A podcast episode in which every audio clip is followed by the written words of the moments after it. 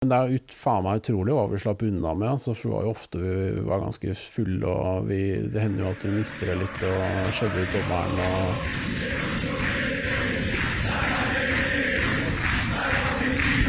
Du hører på Stang ut på overtid, en lydfanzine om Vålerenga fotball. Da eh, gleder jeg meg over å kunne ønske velkommen til den tredje episoden av Stang ut på overtid. Eh, jeg sitter her sammen med Lars, som eh, har lovet oss en liten historietime. Og da snakker vi ikke om historien til Vålerenga fotball som, eller hockey som sådan, men rett og slett supporterhistorien til Lars. Eh, kan du kanskje eh, kjapt begynne med å si hvem du er? Ja uh, Lars Gau. Skogviff på Twitter. Um, er 45 år blitt. Var på uh, min første uh, Vålerenga-kamp i sek- 95. Ja, det begynner å bli en stund siden. Ja, og det er sånn det, Allerede der føles det litt snålt, da. Fordi jeg syns jo ikke det har gått så lang tid. Nei?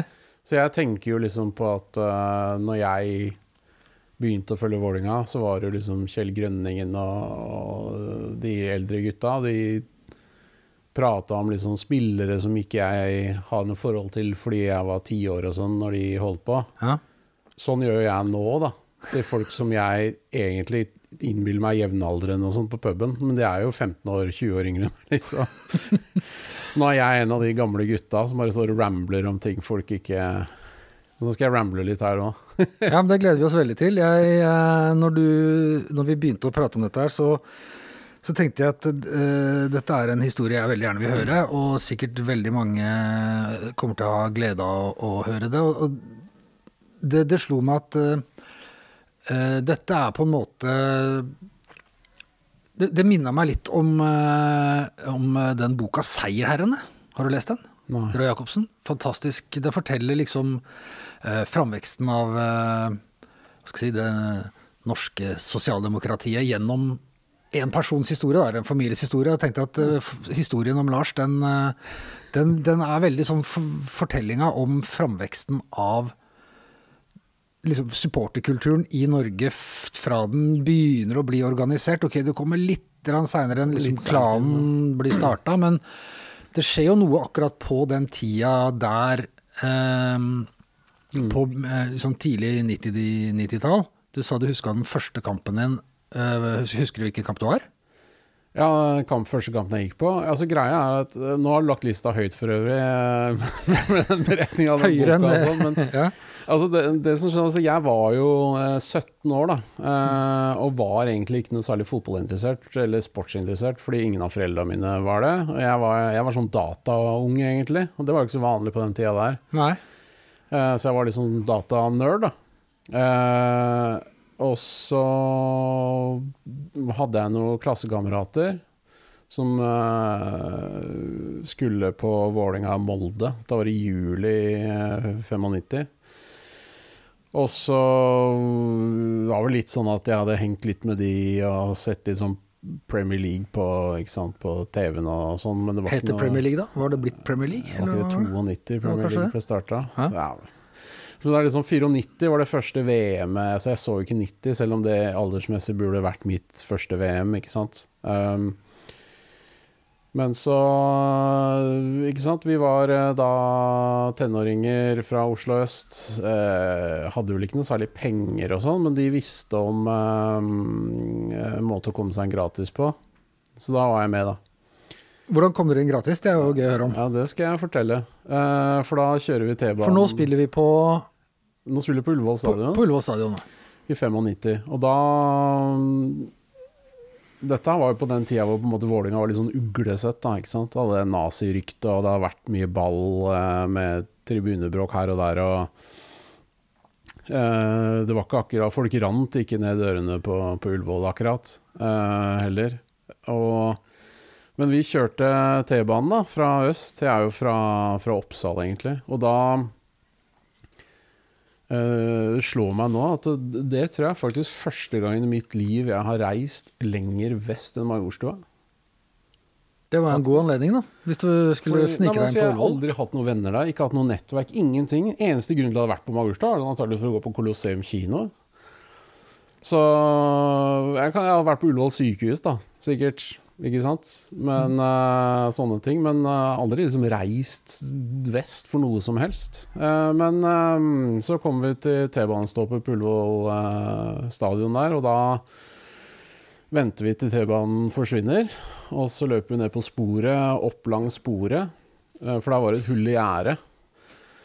Som vi sneik oss igjennom og humpa ned. Var selvfølgelig Alle sto og så på at vi gjorde det, men det, vi var jo tenåringer, da, så ingen som gadd å styre med det. Eh, og da var vi inne, da. For da var det et avgrensa område liksom lenger ut enn det det er nå. Eh, det var ikke bare innslippet altså, i stadion, det var avsperra hele området rundt stadion òg. Så når vi hoppa ned muren fra T-banen og gjerdet der, så var vi inne. Da var du inne. Og da, da var det noe som het Japp-tribunen. Den finnes ikke lenger. Nei? Enetasjers eh, langsidetribune. Ok. Eh, som vel er den siste som ble revet før det ble to etasjer rundt hele. Var det ut mot, da, mot ringveien mot sida? Mot T-banelinja, ja. Så da satt vi der, og da var det Vålerenga-Molde. Og det var jo var litt gjevt, husker jeg, også fordi det var Molde, selv om det var Vålerenga. Vi var der for å se og heie på, selvfølgelig. Eh, men da hadde Molde de tre S-ene. Som da kjapt er Ole Bjørn Sundgodt, eh, Ole Gunnar Solskjær og eh, han eh, eh, siste. Han som hensa på Åråsen. Stavrum? Nei, Ja, Ja. Ar Arild Stavrum? Ja. Eller er det hva er? Stavrum? Ja. vi sier Stavrum. ja. Arild Stavrum er Det det. holder, det. Og Gunnar Stavrum, men han skulle komme til seinere. Han er nå i valgkomiteen i Vålerenga fotball. Ja, for det er en, det er en eh, det er en lang vei fra å snike seg inn på Japp-tribunen til der du er i dag, men det er vel den veien vi håper vi kan eh, gå sammen, da. Ja. Men den, eh, jo, altså, den kampen endte 2-2. Uh, og det var veldig gøy. Og jeg, jeg Altså, det eneste forholdet jeg hadde til fotball fra før, for det var jo det jeg hadde sett med kompisen min, så hadde jeg en bestefar som holdt med Arsenal. Ja. Men han var liksom sånn at uh, Når jeg var der eh, hos besteforeldrene mine på lørdager og sånn, så var det sånn derre Jeg måtte være stille i stua når han skulle se Arsenal, liksom. det var ikke akkurat Så det var ikke eh, Det var ikke Hvis noen hører En ting er at eh, noen hoster, men hvis noen hører noe um, hyggelige fotballyder bak oss, kan du kjapt bare Ja, det er jo treningskamp her. Å, nå ble det mål, faktisk. Nå Ja. scora Vålerenga. Akkurat nå. Du, jeg sitter med ryggen til. Lars sitter og ser ut på Intility Arena, hvor eh, damelaget spiller treningskamp mot Mot Stabæk. Stabæk, og nå leder vi 1-0. Hvis det ikke akkurat eh, Jo, nå 2-0. 2-0. ja. Opp til 2-0. Så vi gleder oss veldig spent på pausen. Og da ja. Arenaspiker slo inn. Ja, Så det så da, Ja, da i pausen kan det bli mye dunka-dunk-musikk, ja. Det kan være. Um, men da hadde du også eh, Allerede der så hadde du vel ved å liksom starte ved å snike deg inn på et eller annet vis Det lukter jo litt uh, at dette her skal uh, Det lukter litt sånn uh, fotballpøbel av debuten din. ja. Men det var heller ikke sånn at jeg ble liksom bitt av basillen med en gang, men jeg syntes det var gøy. For det var noe helt annet enn å sitte og se på det på TV. I hvert fall da på TV som var det på 90-tallet. Det var ikke akkurat eh, 4K HD-produksjon heller. Så Men det var mer det Altså, det å, Altså, selve fotballen var det ikke så viktig jeg håper å si, da heller. Det, det er det rundt uh, som får deg til å dra til Ullevål, eller var det Jeg var egentlig litt begge deler. Jeg syntes det var gøy ja. å se fotballspillet. Ja. Uh, jeg ble veldig fascinert av særlig Dag Risnes. Ja. Uh, elegant, flott spiller, som var min første favorittspiller, på en måte. Og Tore Krokstad i mål. Ja, En svær, uh, myndig fyr med piggsveis. politimann. Han var snut, ja. Ja. Det har vært mye snut i Vålinga og pøbel. Og pøbel. Det har det. Um, og så uh, Ja, og da, da er vi et, eh, et relativt sånn mediokert eh, lag en stund, og så Ja, det blei jo Det blei vel egentlig med den kampen i, i 95, men jeg gikk på Jordal uh, den vinteren etter og så et par kamper. For du går både på fotball og hockey fremdeles? Ja. Ja. Og da var det vel Vålinga mot Spektrum Flyers, som Ja. var en sånn der grusom uh, bastardisering av Var det LM90 og Manglerud Star eller et eller annet? Furuset, da? Ja, var de i LM90 også? Jeg, Jeg husker jeg ikke åssen det var, jeg. Nei, jeg husker jeg også var og så Spektrum Eller, Flyers i ja. Spektrum. Det var jo. Men det var masse folk på ishockey da. Det var det. Men uh, det dabba interessen for Spektrum Flyers. Da jeg veit at det var én kamp i Oslo Spektrum hvor de hadde under 200 tilskuere hjemme. Jo, det var Furuset, tror jeg, som Ja. har slått sammen med LM90. Mm. Uh, og da Det sier seg sjøl at jeg tror på, på 90-tallet så koster det over 200 000 kroner å leie Spektrum i døgnet. Pluss rigge om til is og sånn. Og når du har eh, 200 betalende, så er det dårlig butikk. Og norsk hockey som er så god butikk i utgangspunktet. Det er bare fryd og gammen ellers.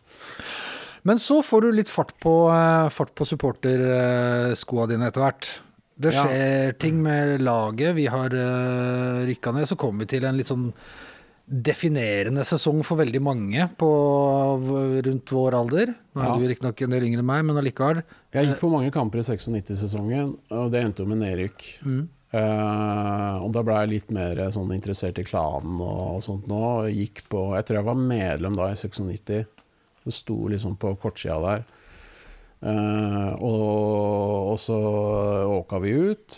Uh, og så det, det, det, Jeg tror 97-sesongen er en slags sånn det kan hende det bare fordi at det er på en måte veldig sånn definerende sesong for min på en måte Det var dit jeg skulle, jeg også. Ja. Det var den jeg tenkte på.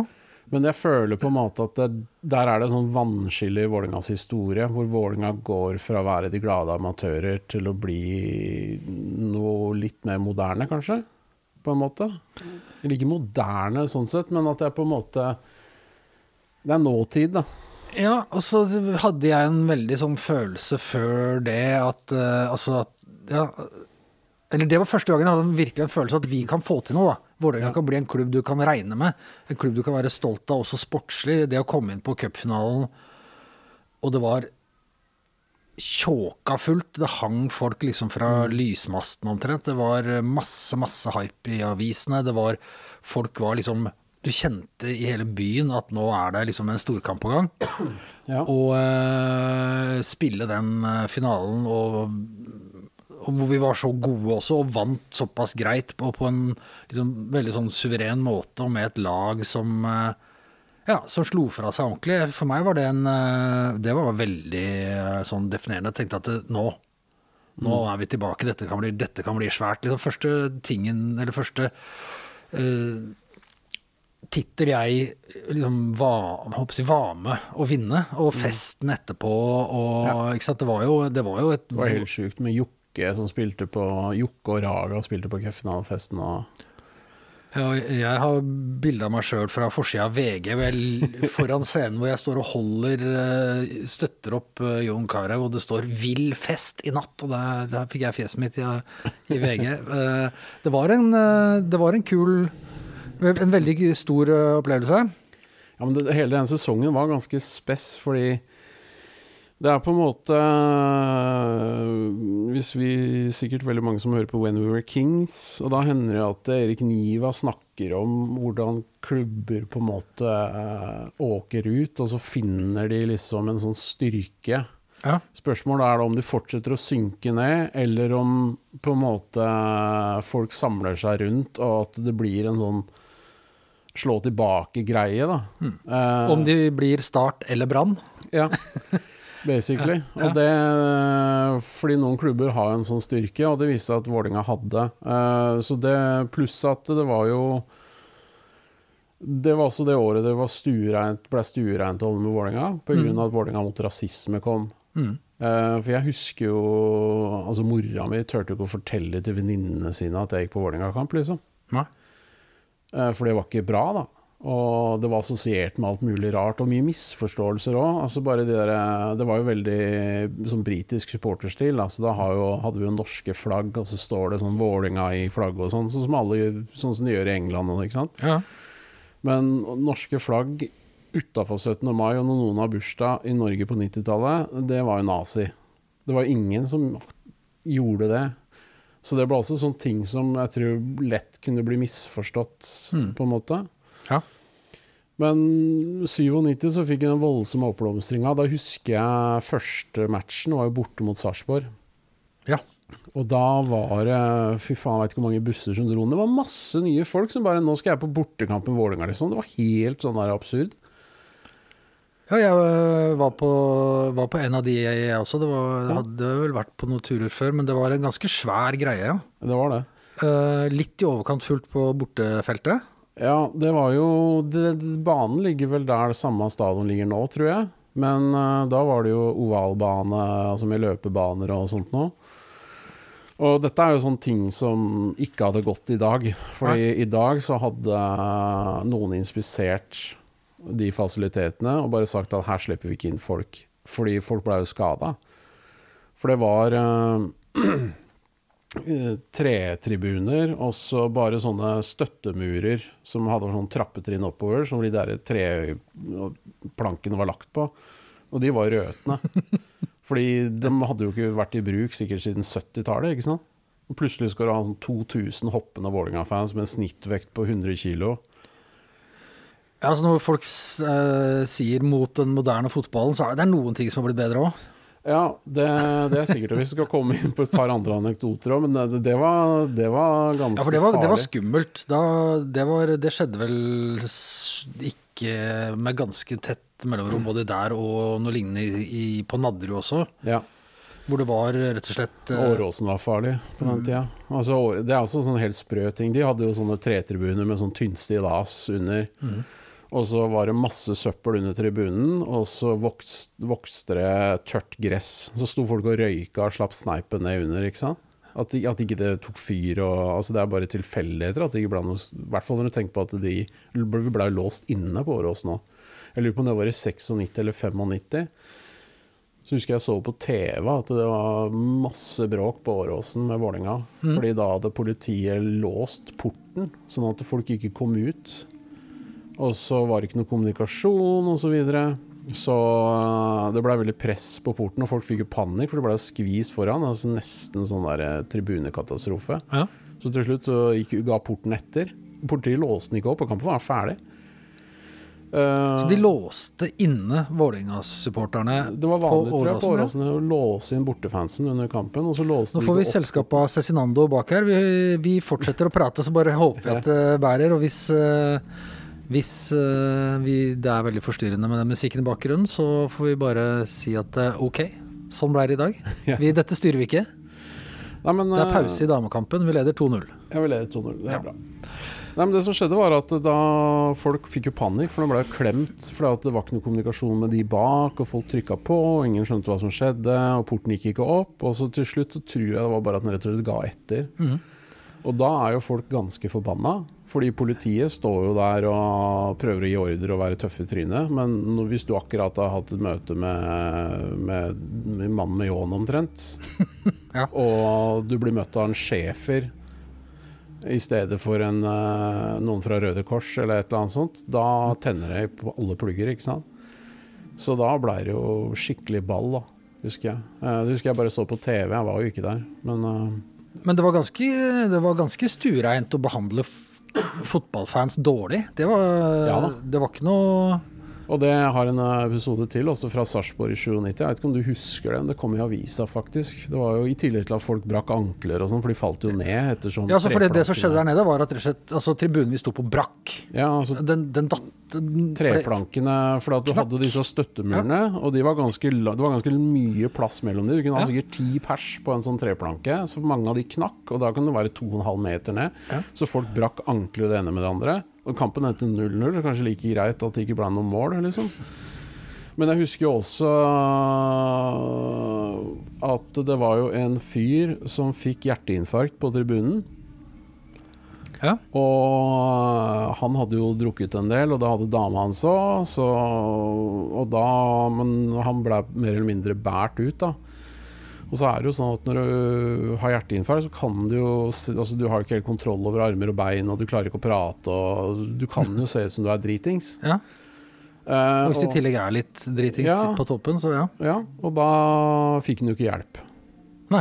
Men dama hans var klinkende klar på at uh, han må ha hjelp, fordi hun hadde jo sett at det hadde skjedd noe med ham. Ja. For han var jo egentlig ikke så full, antagelig. Men politiet nekta å ta med til legevakta. Eh, og så ble det masse ball. Eh, dette var vel i pausa, tror jeg. Mm.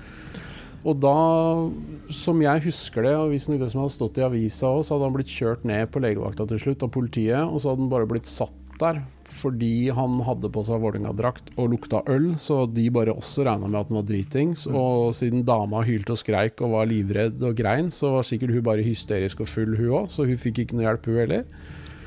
Og så ble han kjørt opp igjen etter matchen var ferdig. Og da husker jeg at han, politiet prøvde å dytte han inn på bussen vår til Oslo.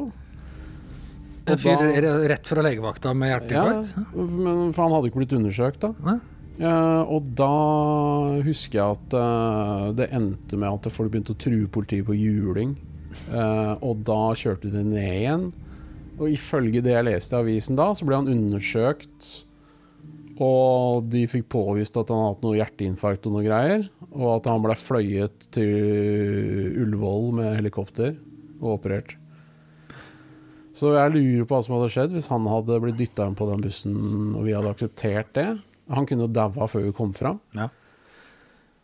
Det, men sånn var det liksom, da, å være supporter på den tida. Uh, du hadde uh, Fordi at det var en sånn utbredt oppfatning i samfunnet at uh, fotballfans, det er bare pøbler og søppel. Eh, du har jo engasjert deg i ganske mye sånn supporterorganisering og politikk eh, og Eller organisasjonsliv og sånn. Er dette her ting som gjorde at du blei engasjert? At du tenkte at dette her er for gærent? Vi kan ikke bli behandla sånn bare fordi vi vil se fotball? Jeg har en litt sånn utvikla rettferdighetssans, da. Så Ja. det var nok en vekker. Ja. Eh, jeg blei jo ganske sjokkert, liksom, for at det kan jo være altså tenke, så hva, hva hvis det skjer altså, Hvis du blir utsatt for en ulykke eller det skjer et eller annet, skal du bare liksom ikke, ikke få hjelp fordi du er fotballfan, liksom. Det er jo helt psycho. For, Ja, og ja, fordi altså, Man ville jo ikke blitt behandla sånn i dag. Verken låst inne i en borteseksjon eller ikke fått hjelp. Nei, Sikkerheten er jo noe helt annet i dag. Altså, det er jo langt under paret. Altså, tenk om det har begynt å brenne under uh, gresset under påråsen her i søppel og sånn, f.eks. Altså, altså, det var jo også bare i Sarpsborg, når folk falt ned og brakk ankelen. Det var jo ikke noe sak i etterkant. Det Det var bare at da fikk de vel ipsa ankelen av Røde Kors, da, så måtte de sitte i bussen, dra hjem og ordne seg. Så det var ikke noe Jeg veit ikke om det var noe sånn eh, Noen som inspiserte tribunefasiliteter Det og ikke noe, vurderte det var ikke noe SLO som var på befaring og, og lagde Nei, vi hadde jo ikke noe sånn Alle hata oss. da Media avskydde oss òg. Altså, journalister så De jo elska oss litt òg. Jeg vet jeg synes ikke på den tida så var det bare sånn der var Mange av de journalistene av den gamle skolen Mm. som, som hadde sett fotball på 60- og 70-tallet med, med folk med hatt og frakk eh, som satt og ropte heia, heia. Ja, litt sånn som eh, Enga Undergrunn eh, liker. Så de eh, Jeg tror at den framveksten av den der britiske innflytelsen da Mm. På slutten av 80- og opp til midten av 90-tallet, som var da hovedsakelig vel i Brann, Vålinga og Lillestrøm, Mm. den var det mange som ikke likte i fotballen. Ja. Eh, så hadde Men- et annet eh, Og, og, det, og der, der var du liksom midt oppi. Jeg var aldri noen sånn britisk eh, engasjert, holdt jeg på å si. Så jeg var jo Du var aldri britisk engasjert? Nei? Nei. Men eh, så alle var jo det, jeg husker jo det. Altså, Ja. Kjell Grønningen, Arsenal, og du hadde Chelsea, og du hadde Millwall. Folk reiste mye over og sånn, så det er, det er jo der liksom den første bølgen av norsk supporterkultur kom, da. Etter hatt og frakk-folka, på en måte. Til supporterforeningen. Ja. Ja. ja, fordi vi, uh, vi er jo på vei litt dit nå, hvor vi også får eh, være med litt uh, internasjonalt. Ja. Vålerenga vinner cupfinalen. Vinner cupfinalen. Kan jeg ta én historie til fra 97? Selvfølgelig. Du, kan- vi har hele, he, hele ettermiddagen, vi. Drøbak-Frogn borte. Drøbak Frogn. Juni. Hvorfor spilte Vålerenga mot eh, Drøbak Frogn i utgangspunktet? Fordi vi var i første divisjon. Og det var de òg? Ja. Ja. Og da var det jævlig varmt. Det var eh, sikkert godt over 30 grader, og vi hadde booka båttur. Jeg tror vi hadde tre båter. Som, Fra eh, fra, fra Rådhuskaia ja. og ned til Drøbak. Eh, og det ble et helvetes sjøslag. Og folk uh, Bokstavelig talt. fyrte over noen som hadde med noen røykbomber. Det var ikke så vanlig på den tida. Så det røykla hele indre havna der. Og folk hoppa i vannet, så vi måtte stoppe og dra dem opp igjen. Og det ble Den ene båten husker jeg gikk tom for øl, så da sto vi og så la opp ved siden av hverandre og så langa over kasser fra ene til andre. og Fullstendig sjøslag. Jeg tror det begynte sånn på formiddagen. Og så kommer vi fram til Drøbak sånn ved firetieren og sånt. Nå. Og da, dette var jo i helga, da. Var kjempefint vær. Så folk satt jo på kafé i Drøbak og så utover vannet og koste seg. Så plutselig kommer det tre båter med drita Vålerenga-fans og klapper til kai, ikke sant. Det Og der var det heller ingen som hadde kanskje planlagt sånn ja, når de kommer hit, så, så går vi opp her, og så har dere fått et område litt sånn unna folkeskikken. Det var, da var det bare fri, fri lek i, Da var det i fri, fe- fri feid og fri flyt. Ja. Eh, og så var det jo opp til stadion, og den ligger jo eh, Altså, Drøbak er rimelig eh, kupert. så vi måtte gå fra vannet opp til Seiersten stadion. Det er den bratteste bakken jeg tror jeg har sett i hele mitt liv. Det var mange som ikke kom opp, som bare lå og sovna på gresset. Eh, men også hadde vi busser hjem. Og her kommer da en annen sånn historie som, som var veldig rar. Fordi uh, dette var jo før det var motorvei utover der. Uh, altså nå er det jo motorvei, ikke sant. Du har den der tunnelen, hva heter det, nedi mot Ski og utover der sånn. Jeg veit ikke hva tunnelen heter, men historien blir vel verken bedre eller verre at vi Nei. Du måtte kjøre småveien da, ikke sant? Ja. forbi eh, disse her vanna og sånn, og innover til, til du kommer til Tusenfryd osv. Og det var jo masse, for det var helgetrafikk, så det var søndag, så det var masse kø. Og det Men, men vent litt, når du har kjørt båt ned Ja, altså buss hjem. Og buss hjem, ja, riktig. Det var ikke, det var ikke, buss, det var ikke båt begge veier. Nei, nei, nei. Ah, okay. Så da står vi i kø, og det er jo ikke noe aircondition på disse bussene, for de er gamle og fæle. Eh, og det er så jævlig varmt. Det er sikkert 50 grader inne i de bussene, og det er stillestående kø. Så folk åpner taklukene, og noen begynner å krabbe opp på taket for å rett og slett få luft, ligge på taket og sånn. da. Og så er det selvfølgelig noen som har sett dette i bilene rundt, og begynt å ringe politiet og sånn. Eh, men jeg, det, det, så vidt jeg vet, så grep ikke politiet inn da, men det kom i jeg tror det var VG dagen etterpå at Vålinga-fans hadde kapra busser i, ute i Drøbak. Og så det liksom Og det, det, det tenker folk at det er en helt uh, plausibel liksom, Ja, ja. eh, ting. Det kan godt ha skjedd. Det er ikke det at vi har chartra de bussene, liksom. Vi har Nei, bare kapra bussene liksom, ja. og kjørt dem til Oslo.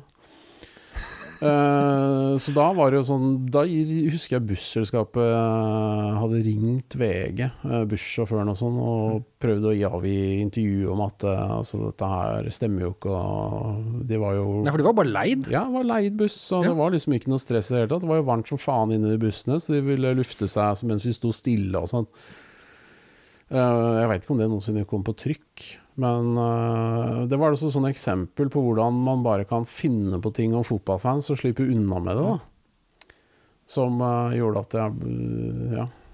Ikke at jeg har blitt noen sånn enorm sånn forkjemper for alt mulig rart, men det, det overraska meg litt at det går an å omtale folk på den måten og slippe unna med det. Så det. Men det var litt av en tur. Vant gjorde vi jo. Vi vant òg. Og så rykka vi opp. Fikk ja. Jon Carew eh, med oss, og vant cupfinalen. Mm. Og den var jo eh, Ja, den første tittelen Vålerenga hadde da vunnet siden 84, vel? Eller noe sånt. Ja. Så det var jo helt utrolig. Og mm, da skulle vi ut i Europa. Ja, for det jo, var jo en eh, en, eh, en heldig bieffekt av å vinne cupfinalen, Ja. cupvinnercupen. Det var det det het, var det ikke det? Cupvinnercupen? Eh, ja, det var cupvinnercupen, ja. Og da var det noen som, i Norge som håpa vi ikke trakk noe traktorlag fra Øst-Europa, husker jeg. Ja, det var seinere. Det var Kjetil Siem. Ja, ok. Men vi skal til samme sted, senere, men vi skal til Øst-Europa, og det var ganske traktor her òg. Rapid Bucuresti. Jernbane, statens jernbanelag fra gamle østblokken eh, i Romania. Eh, For det er jo sånn i gamle kommunistland at uh, idrettsforeningene ble jo tatt over av staten, Mm. og så fordelt på statlige funksjoner. Så du hadde hæren, og så hadde du politiet, og så hadde jernbanen ofte hadde veldig viktige lag. da. Så Rapid, det var uh... Rapid er jernbanelaget i gamle kommunistsystemet. Uh, og det er for øvrig det første laget Vålerenga har slått ut av Europacup noen gang. Yes. Vi har spilt en del i Europa før, aldri, Aldri slått ut noen? Vet du hvem det var første laget vi møtte i Europacup? Ever. Nei. Aner ikke. Everton i 64. Fikk juling over to kamper. Drillo fikk visstnok eh, applaus, han spilte på Vålerenga da. Og så sto han og triksa med ballen på Goodison, og så fikk applaus og sånn av publikum. Den historien kan du faktisk høre i Trikkeligaen. Ja. Podkasten til Dagsavisen. Der fortalte han eh, om den. Jeg trodde det var seinere, det var derfor jeg svarte nei. Men han var da med i den kampen, eh, så vidt jeg skjønte, egentlig før, før han blei Vålerenga-spiller. Han spilte den kampen, og så var det tilbake til Fredrikstad, eller til Ja, han fikk liksom forsterkning. Og Så så, gjorde de jo på den tida, for det var amatører. ja, og så kom han til Vålerenga året etter. Men eh, det- den eh, episoden med Drillo er veldig morsom. Han har masse kule historier fra den tida. Ja, det skal jeg høre. Ja, det må Så, gjøre. Men, da, er vi, da, er vi, eh, da er vi eh, kommet til 98-99-type, da. Ja. Ja. For cupfinalen gikk på den tida på det logiske tidspunktet slutten av november, ja. Antar En uke etter sesongslutt. Ja, Så det var en ganske var god ordning, var det ikke Jeg det? faktisk det var slutten av oktober. jeg. Ja. For sesongen slutta jo tidligere. fin ordning. Ja, det var lurt, det. Ja. Jeg synes det var ålreit. Er det noen som veit når cupfinalen er nå? Nei, Aner ikke. ikke peiling. Herregud. Men jeg syns cupen skal være krona på slutten av sesongen. Åpenbart. Så Men da var det altså Rapid Jeg var jo ikke der, det var virkelig veldig få som reiste. Jeg har Var det noen som reiste dit i det hele tatt? Ja, jeg har en fanzine med, med her, eh, som vi kan snakke om etterpå, hvor det er reisereferat fra Bucuresti. Med selveste Børre, som nå er mer en nettroll enn fanzinemaker. Men eh, da, etter sigende Det er jo ingen som har gikk ikke på TV eller den kampen. Så jeg har aldri sett det. Men eh, etter sigende så ble det 2-2 etter at Jon Carew utligna med et eller annet sånn helt vilt brassesparkopplegg på slutten. Og da gikk vi videre. Uh, og så var det jo uh, Besiktas. Da er vi året 98 nede i Istanbul. Ja. Ja. Og der var jeg heller ikke. Men det som var spess, var at det, det er jo en av de eh, Altså, alle sånne inntrykk er jo sterkere når du er ung, men Altså, det er uh, en av de sykeste fotballopplevelsene jeg har hatt uten å være på stadion, for jeg var på Bohemen. Uh, fordi kampen gikk på Var det noe som het Eurosport 2, eller noe sånt på den tida, som var en sånn sekundærkanal som nesten ingen hadde. Så folk måtte på Bohemen for å få sett den. Mhm. Og Det var litt folk der, da, eller? Jeg var jo Dette var på en torsdag, eller noe sånt, så jeg kom jo rett fra jobb. eh, og bare dro rett dit, og da var det fullt. Mm. Eh, så, men sta som jeg var, så gadd jeg ikke å dra hjem. Så jeg og sikkert 50 andre personer Vi sto i sidegata til Bohemen, og så sto vi og så inn gjennom vinduene for å se på skjermene. Og så Det er, er litt flott, da. Det er litt fett syn at det står 50 folk utafor og ser gjennom vinduet for å få med seg en fotballkamp. Ja, Det er- det, det var så fullt der inne. Og så gikk det jo som det gikk i første omgang, da. Så det var en del som dro. Skulle hjem og Så- spise middag og sånn. Tapte, vi lå jo under 3-0. Tenkte at dette Definitivt. går ikke. Vi blei jo, vi ble jo kjørt. Det var jo ingen som trodde at det kunne gå. Det var bare Drillo antageligvis, som hele verden, som trodde at vi kunne komme tilbake da. Ja, antageligvis. Fordi um, det jo- var jo også en En av de mest sånn fryktinngytende stadionene. En sånn sagnomsur stadion i Istanbul. Inönü het den. Den er nå revet. Mm. Uh, og det var jo visstnok et jævla lurveleven der. Eh, det var jo noen av oss som var der nede, så du kan sikkert få på noen til å snakke om den turen. Eh, men jeg Yes. vet at eh, det, det, altså, det, var, det må ha vært sjukeste opplevelsen ever å ha vært der. Men det var også ganske sjukt å være på BM, for jeg kom meg inn i andre omgang. Ja. Og da begynner den opphentinga. Og det bare er Altså, det derre emosjonelle kjøret med når du begynner den opphentinga altså, Du liksom har bare Jeg bare blir fordi jeg er sta, er liksom det utgangspunktet du går inn med i andre omgang. Og så ender du halvveis bevisstløs hengende rundt en eller annen fremmed mann du ikke vet hvem er, mens du er marinert i øl. Altså, det, det var helt sjukehus. Altså, det var det Den restauranten som lå i overetasjen der, de måtte stenge fordi at eh, det var så jævla lurveleven nede. Så de, de stakkarene som hadde booka bord og skulle ut og spise Ja, altså, folk kunne asiatisk, ikke spise det, nei, for det var bare helt eh, ekstase. Så det var helt vanvittig. Min eh, opplevelse av den kampen, den var altså så eh, fundamentalt annerledes. Da satt jeg Det var første gangen jeg kan huske at jeg fikk sånn oppdateringer på telefon.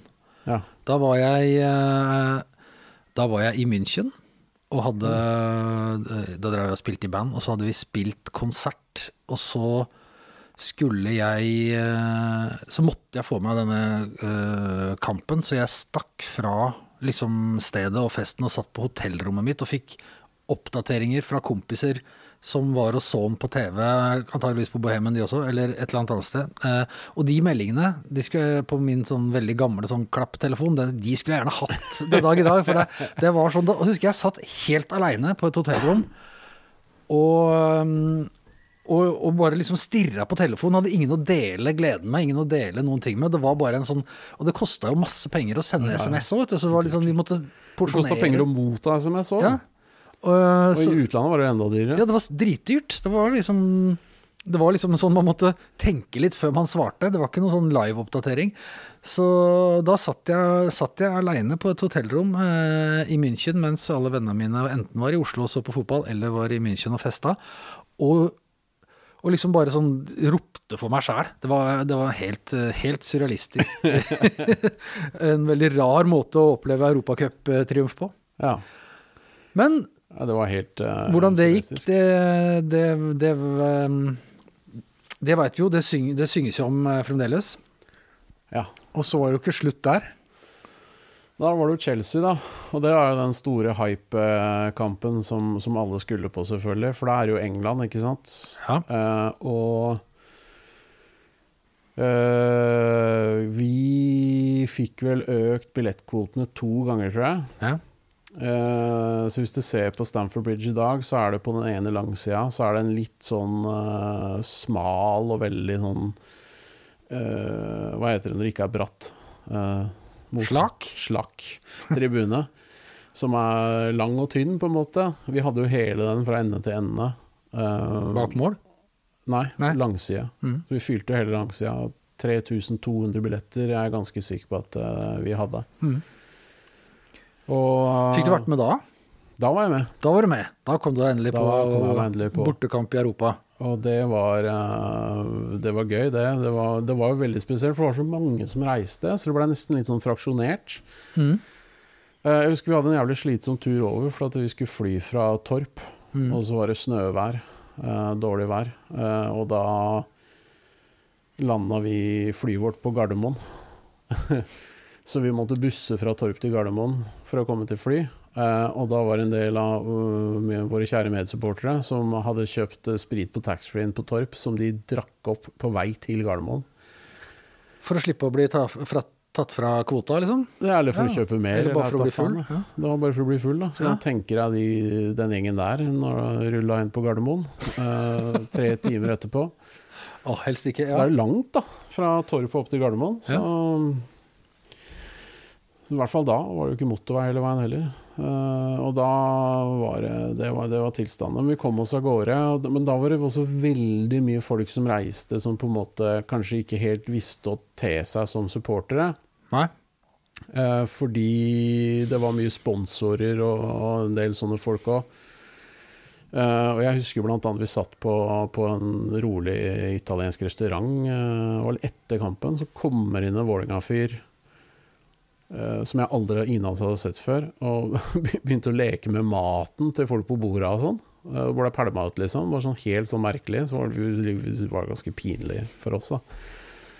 Um, men ellers så var det jo altså Jeg husker jo vi hadde var det, er noen mål. Vålinga Igjen? 3-0.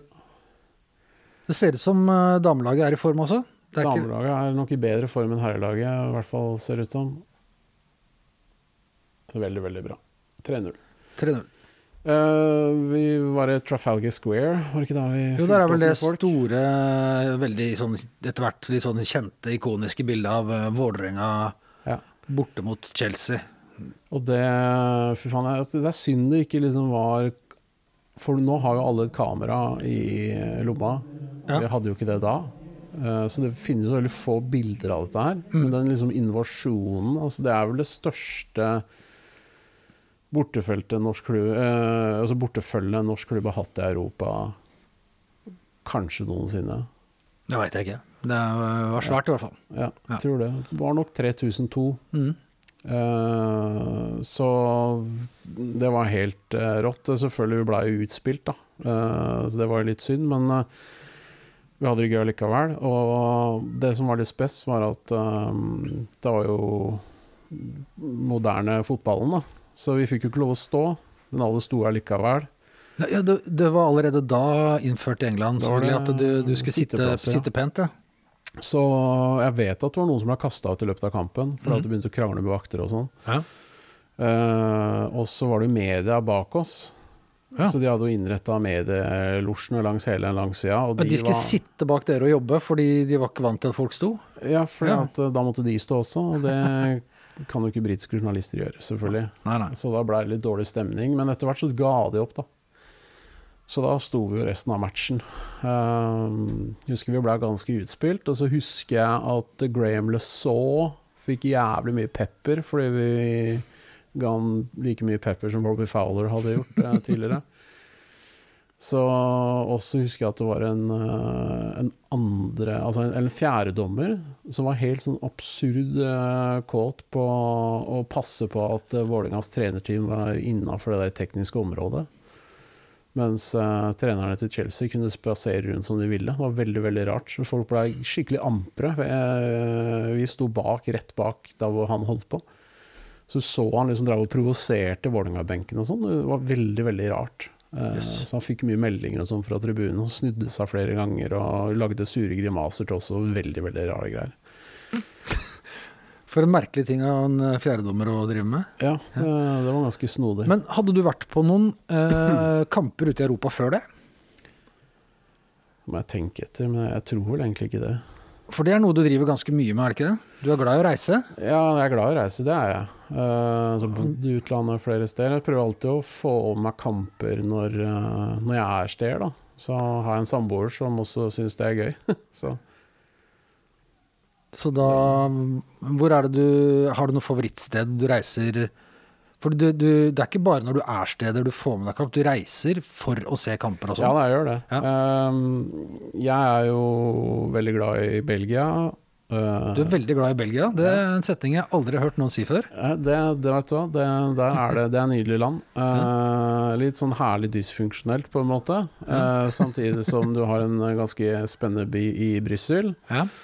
Og så har du noen veldig flotte byer i Flandern. Eh, Gent annet, som jeg var på bortematch i koronaen. ja, du var en av de som da dro Ja, eh, til eh, når Vålerenga hadde Når vi da endelig var tilbake i Europa igjen, hadde, fikk sjansen til å spille mot eh, Gent, og så fikk vi ikke billetter og ikke lov å reise. Nei. Og hva tenker Lars da? Uh, jeg har en blogg som heter Apropet, så jeg er journalist. Ja. Og så hadde avropet var godt eh, representert med fotografer og det ene med det andre. Altså du fikk akkreditering, rett og slett, Ja, som ja. presse? Så jeg satt opp på pressetribunen sammen med VPN og eh, noen folk, også fra klubben. Og Mm. så hadde jeg med en kompis som heter Per Karsten, som eh, lånte et kamera og sa at han var fotograf. Men det han det kanskje ikke hadde tenkt nøye gjennom det, da. Fordi uh, han uh, fikk jo da fotovest og ble sluppet ut på indre bane.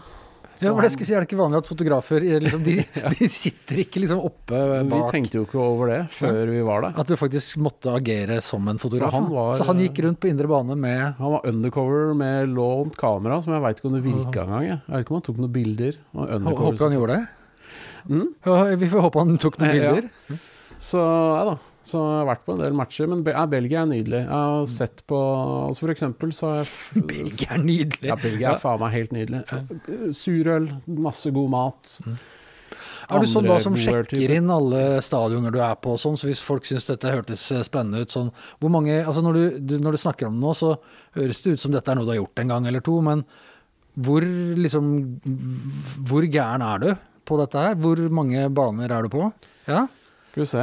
Jeg har en Footballogy-appen. Altså, jeg, jeg er ikke noe sånn Det finnes mange mennesker som har flere baner enn meg, for å si det sånn. Det, det er egentlig veldig betryggende å høre, tenker jeg. Eh, Det finnes jo mennesker som har runda f.eks. Er ikke er 72 baner i det britiske eh, ligasystemet, i de topp fire. Det er jo nordmenn som har alle. Ja, dette er, dette er uh, bokstavelig talt bortebane for meg. Den jeg har Ja. aldri, aldri Sånn er ikke jeg. dette her. Jeg har 149 baner totalt. Hvor mange av de er i Belgia? Skal vi se. Det er jo veldig mye sånn mangler i kunstgress og sånn, da. Men jeg har eh, fem i Belgia. Fire av de tok jeg på én tur, Ja. eh, faktisk. For da fløy jeg jo ned på en fredag etter jobb og landa vel der sånn ved 60-tida. Mhm. Og så var det match halv ni i Mechelen, som ikke er så langt fra flyplassen. Så da var det bare rett på hotell og så på matchen. Lørdag så dro jeg til Løven, som er en sånn fin studentby studentby uh, ute i Flandern. Uh, og så var det søndag, så var det Anderlecht klokka halv to. Og så tok jeg toget til Antwerpen, og så var det Beershot, som det laget heter, klokka halv ni på søndag kveld. Og så hjem mandag, mandag ettermiddag. Da, da har du hatt en eh, perfekt helg. Da har jeg hatt en perfekt helg. Så fikk jeg med øl hjem i kofferten. Så, For det er du også opptatt av. Jeg fikk litt kjeft etter forrige episode noen på Twitter om at eh, det hadde blitt jævla snobbete i Vålerenga når jeg fikk servert uh, surøl under, eh, under sending og sånn, men eh, Nei, men det, rare med surøl er at det er vi er snobbete med det. Men ja, det er jo ikke snobbete i Belgia. Da er det bare noe folk drikker, liksom. Ja, det er gubber stort sett bare som drikker det. Ja, det Det er er en veldig også. umoderne og litt sånn Det var en helt døende ting. Ja. Og det er bare den her craft beer-gjengen øh, på en måte som har gjenoppliva det litt. Men bruker du Untapped-appen oftere enn Footballogy-appen? Eh, ja, det gjør jeg. Ja, det gjør du. Eh, det, gjør jeg det gjør jeg absolutt. Eh, men eh, jo, greia er at i, i Belgia så, så De fleste belgere vet ikke at surøl finnes. Så det er ikke en sånn del av folkesjela eller noe sånt nå. Og de sitter og drikker av Ikea kjøkkenglass, liksom. Det, er- mens vi driver med stett glass og liksom skal være fint. og sånn. Ja. Så vi kan da egentlig til, eh, til de som mente at det hadde blitt eh, veldig mye høye stetter i, i, på tribunene eh, Du kan avkrefte det? Ja, jeg Ja. syns det. Det er Lambic-glass, som det kalles. Det er, ser ut som Ikea kjøkkenglass. Du kan drikke av en kopp, du kan drikke av hva som helst. Så det, det er eh, arbeiderklasse og litt sånn altså litt bondsk eh, i Belgia. Ja. Det er også veldig god mat i Belgia. Mm. Eh, de eh, fant jo selvfølgelig opp pommes frites. heter jo ikke french fries, det er jo belgiske fries. Uh, pommes frites. Og de har eh, noe som heter stovflis, som er uh, heter carbonade flamand på, på fransk. Og det er uh, flamsk stuing, så det er oksestuing i en slags sånn øl- og løksaus. Serveres med pommes frites. Det er helt fuckings fantastisk. Eh, På kampdag, da er det sånn at dette er noe du kan liksom Får du dette her på stadion, eller er det Ofte så får du Du kan få Jeg veit ikke hvordan de lager det egentlig, men du får ofte pommes frites, så kan du velge å få sånn storflissaus slått over pommes fritesen. Og så får du med det. Eh, noen stadioner serverer nok også storflis, men ellers så kan du få det Det er sånn typisk sånn lunsjrett på kafé og sånn. I hvert fall i den flamske delen, da. Så kiosken på stadion der er Det, er, det, er, det vanligste er nok pommes frites med majones og så pils. Ja. For de dynger jo majones ned i pommes fritesen sin, for det er ikke nok fett fra før. Liksom. så det Nei, Belgia, Belgia er nydelig. Jeg har også vært en del rundt i Tyskland, selvfølgelig. Ja. Uh, går jo på St. Pauli-kamper. Uh, har gjort det en god del år. Eh, vært på Ja, eh, hører jo mye på Dritte Halbsite, da Ja. podkasten. Den, den opphavet til den var jo egentlig en gjeng på Twitter som fant ut at vi skulle reise sammen på match, matcher i Berlin. Jaha. Uh, og ut fra det så ble det født en podkast. Så det starta med en tråd på Twitter, faktisk. Jøss. Der ser du. Så det var uh, Så ja, vært mye Jeg har jo også studert i Tyskland, så jeg har bodd der. Så Har du et favorittlag i Tyskland? Du sa det i stad. St. Pauli. Da har du tikka to bokser da, på det vi fikk kjeft av etter forrige episode. Jeg vet jo, jeg er hadde sånn blitt, blitt for hipster. ja. Eller er det du som har gått foran og lagd trenden? Jeg tror ikke jeg er en jævlig trendy fyr, eh, for å si det sånn. Men eh, altså, jeg, jeg så min første St. Pauli-kamp i 2009-10-ish. Eh, men det er jo en del folk i Vålerenga-miljøet som har gått på St. Pauli-kamper og liksom vært litt sånn aktiv i det der radikale miljøet i Hamburg og sånn helt siden altså, tidlig 90-tall og så videre. Så og det var de jeg var der med. Altså de, de har jo gått i mange, mange mange år. eh, fra den tida hvor St. Pauli var nede i tredje-fjerde nivå og spilte på en stadion som hadde fått Meløs til å se flott ut, liksom. Eller uh, Sarpsborg i Ja, Statsborg i 97. Men når du sier altså, du, at du har starta med ting og begynt med ting, og sånn, så har du jo vært med på en god del av sånne eh, Det liksom organiserte livet i Vålerenga også. Eh, VPN var du innom her i stad. Ja, altså jeg har vært uh, perifier til det, vil jeg si. Ja. Eh, jeg har aldri vært uh, sånn nøkkelperson i noe av det, egentlig. Men jeg har vært litt sånn rundt. For eksempel, jeg var ikke med å starte VPN, og jeg var heller ikke med i VPN, men jeg har bidratt litt som skribent nå og da. Liksom kjenne folka. Eh, samme med sånn TIFO-gruppa, for det begynte jo med TIFO rundt da sånn 98. Ja.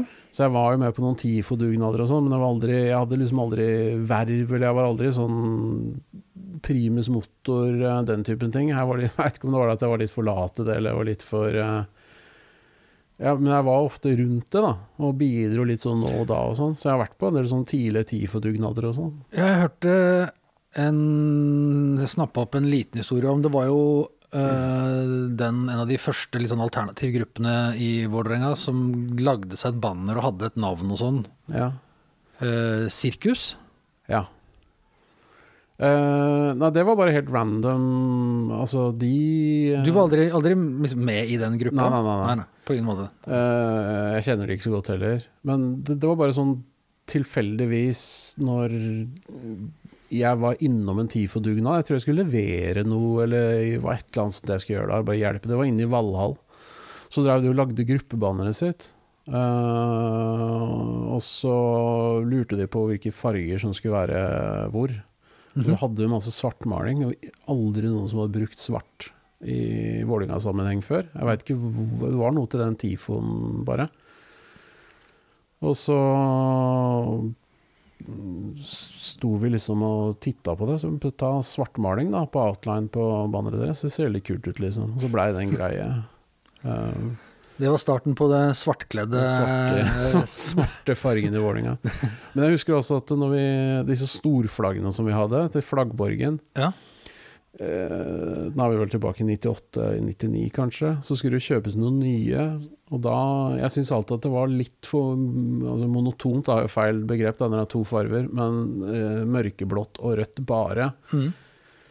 Litt, jeg vil gjerne ha litt mer liv eh, i fargene. Så jeg spilte inn at du burde kjøpe f.eks. Uh, rutete flagg som har uh, både rødt og blått og hvitt.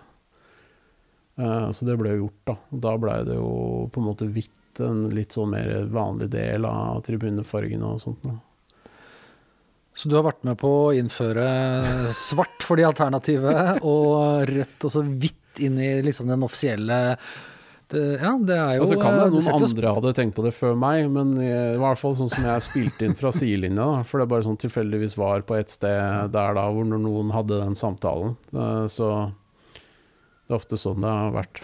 Men er du liksom alltid til stede når noen har den samtalen? For du har jo vært innom, nå har du sagt nei, jeg har ikke egentlig hatt så mye med dette å gjøre, men så har du vært på tur der, og så har du vært med, og så var du der og var male banner, og dette er jo ganske lenge sia, og så bestille flagg, altså det er klart du Nei, altså, da var jeg jo aktiv i Flaggborgen. eh, Var du sånn som løp med flagg i flaggborgen? Eh, Vi løp ikke da. Eh, Jeg er ikke så PK-kåt at jeg hadde lyst til å gjøre det.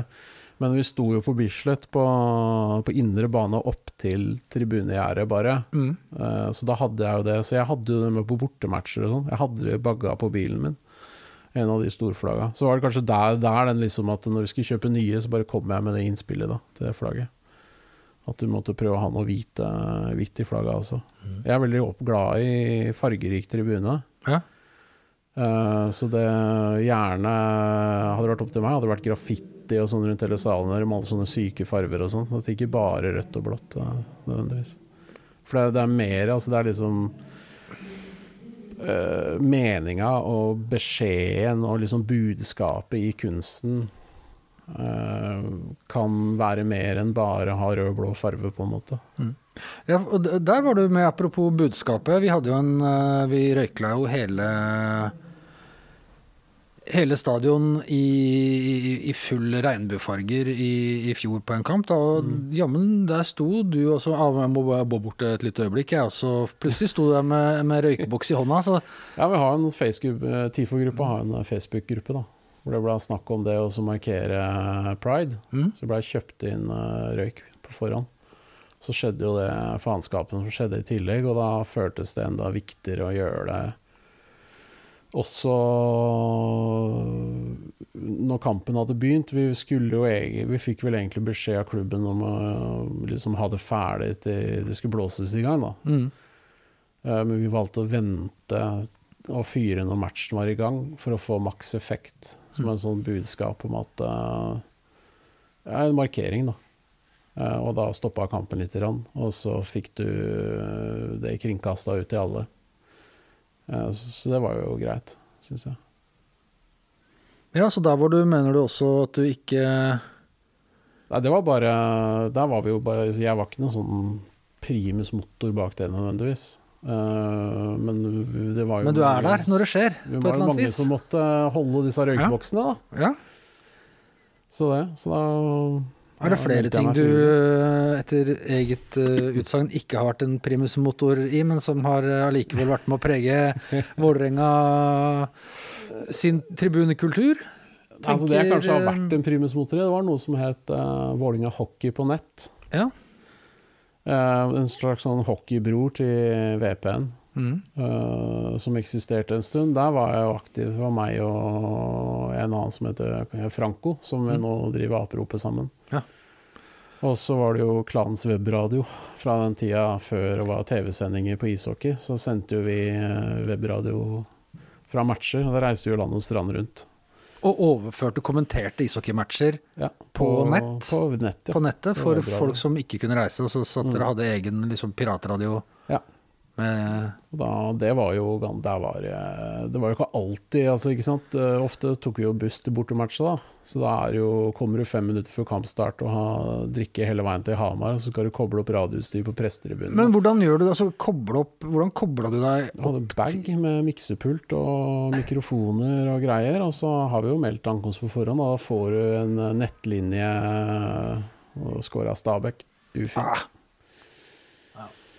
Ja, så får du nettlinja, så bare plugge i, og så har du en laptop som du kjører opp eh, programvaren på og kobler i Så du blei jo ganske rutinert etter hvert. da. Det var mye ledninger og styr og ball. Og, men det er ut, faen meg utrolig hva vi slapp unna med. Altså, for det var jo ofte vi var ganske fulle, og vi, det hender jo at du mister det litt og skjeller ut dommeren og i Sarpsborg en gang så holdt jeg på å komme i håndgemeng med en tilskuer. For at han, han, Mens du sitter og kommenterer? jo, men han lente seg over oss og begynte å skjelle ut dommeren. Så dunka albuen bort i huet på meg, så jeg bare dytta han vekk, da. Og så blei jeg jævlig irritert. Og så er så dårlig vakthold, vet du. En hall hvor tilskuere står oppå pressetribunen og hoier og sånn. Når du er i media, så er ikke det så veldig Det er nesten som, eh, nesten som Høres nesten ut som eh, den engelske pressetribunen på Stanford Bridge. Det. Ja Men dette er jo, dette, det dere gjør der, er jo altså en tidlig livepodkast, rett og slett. Det Ja, kan du si. kan du si eh, pioner der òg, selv om du Så det drøyeste var vel eh, ikke meg, men det var en kompanjong som skal få være anonym. Som, det var faktisk ikke med en Vålerenga heller, det var med landslaget. Det var, eh, var OL-kval var det, på Jordal Amfi. Så hadde vi fått lov av forbundet å sende klanens webbrod og bare sende, for at det, var ikke, det gikk ikke på TV, så ingen som hadde rettighetene. Så da var det eh, sånn firenasjonsturnering, da. Og da var det på lørdagen. Det var lørdag, vet du. Så det var god stemning og greier. Så vi hadde vært på Kiwi, og så hadde vi kjøpt eh, Jeg husker ikke åssen det var, men jeg tror det var sånn at jeg mente at jeg skulle kjøpe øl til oss, og så mente han at han skulle kjøpe øl til oss. Og så endte Så begge vi tok med ansvar? jævlig mye øl. og det var to matcher, ikke sant, med pause imellom. Så øh, vi hadde sånne pappkopper som vi bare helte oppi under bordet, sånn at det så ut som vi drakk veldig mye brus. Eh, men vi blei mer og mer uforsiktige, og, dette var jo landskamp. Det sitter jo folk fra VG og, og alt mulig der, og det er eh, ikke sant, utenlandsk media sitter jo der. For, for det jo, var jo Hviterussland, og det var eh, noen andre lag. Og så fordi det var landslag, så fikk vi jo hockeyinteresserte fra ikke bare Vålerenga-miljøet til å høre på, som kanskje ikke helt visste hva slags tone vi pleide å ha. Så det gikk jo over stokk og stein til slutt. Eh, jeg husker ikke hvordan kampen gikk engang. Det var fullstendig kanakas på slutten. Og vi liksom, fikk hjelp av, av vaktene rundt, for de kjente vi, for det var arrangementet til Vålerenga på Jordal. ikke sant? Så Så disse de- vaktene kjente dere? De Dette var folk dere liksom- vi møtte rydder hver vekk disse Ja. tomme ølboksene, gutter, for da Ja. begynte vi å bli ganske uforsiktige og sånn. Og så har jeg hørt at han eh, som var sånn eh, oppmann eller hva det var for landslaget, han hadde vært inne hos Jan Tore Kjær på kontoret for å ha sagt at vi drikker, da. Og da hadde vi visstnok så er historien at Jan Tore Kjær hadde svart at jeg mener at de ikke skal drikke på match. Uh, og den kvelden endte med at min anonyme kompanjong uh, etter siste matchen var ferdig, så sto han på toppen på Jordal der, og det er bratt ned, og så detter han utfor, og ruller nedover tribunen. Og så kliner han huet i et skrivebord, som presseskrivebord, og knekker det i to med det der harde huet sitt. En meter unna en VG-journalist som sitter og jobber, og så må han inn i landslagsgarderoben og bli sydd i huet av landslagslegen. Det, da han tok jobben, Han tok da, jobben. da fikk dere legehjelp? Ja, ja, I da motsetning til, legehjelp, eh, i, motsetning til eh, ja, ja. i Sarpsborg? Så uh, nye tider. Ja.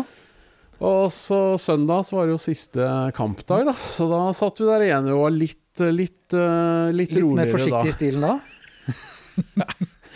Det er utrolig hva du slipper unna med, altså. det, det må jeg si. Jeg har vært sånn der eh, Askerhallen og sendt hockeyradio der og bare Ikke sant. En eller annen slåsskamp, og du liksom mister det litt og melder til spillere og liksom Slåsskamp, da snakker du om på isen? nå? Ja, ja, ja. ja. Men det, er, det er utrolig Ja. Så det har vært en del sånne engasjement opp, opp igjennom. Ehm, så det, det var en del år. Uh, og så hadde jeg vel ett år som vara i klanstyret mot sånn tidlig 2000-tallet. Men så flytta jeg til utlandet uh, rett etterpå. Så det Så du har liksom aldri vært noe- i selve klanstyret? Nei, bare vara. Men det, det kokte bort, da. Mm.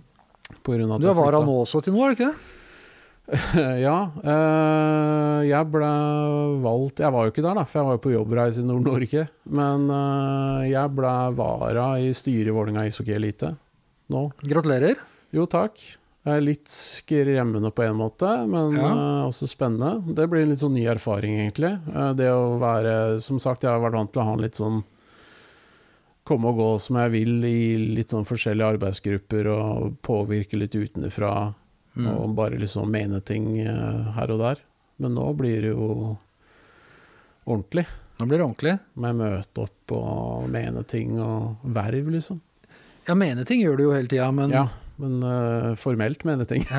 Ikke bare rope ut og høre noen. blir, det, uh, blir det ført referater fra de uh, styremøtene i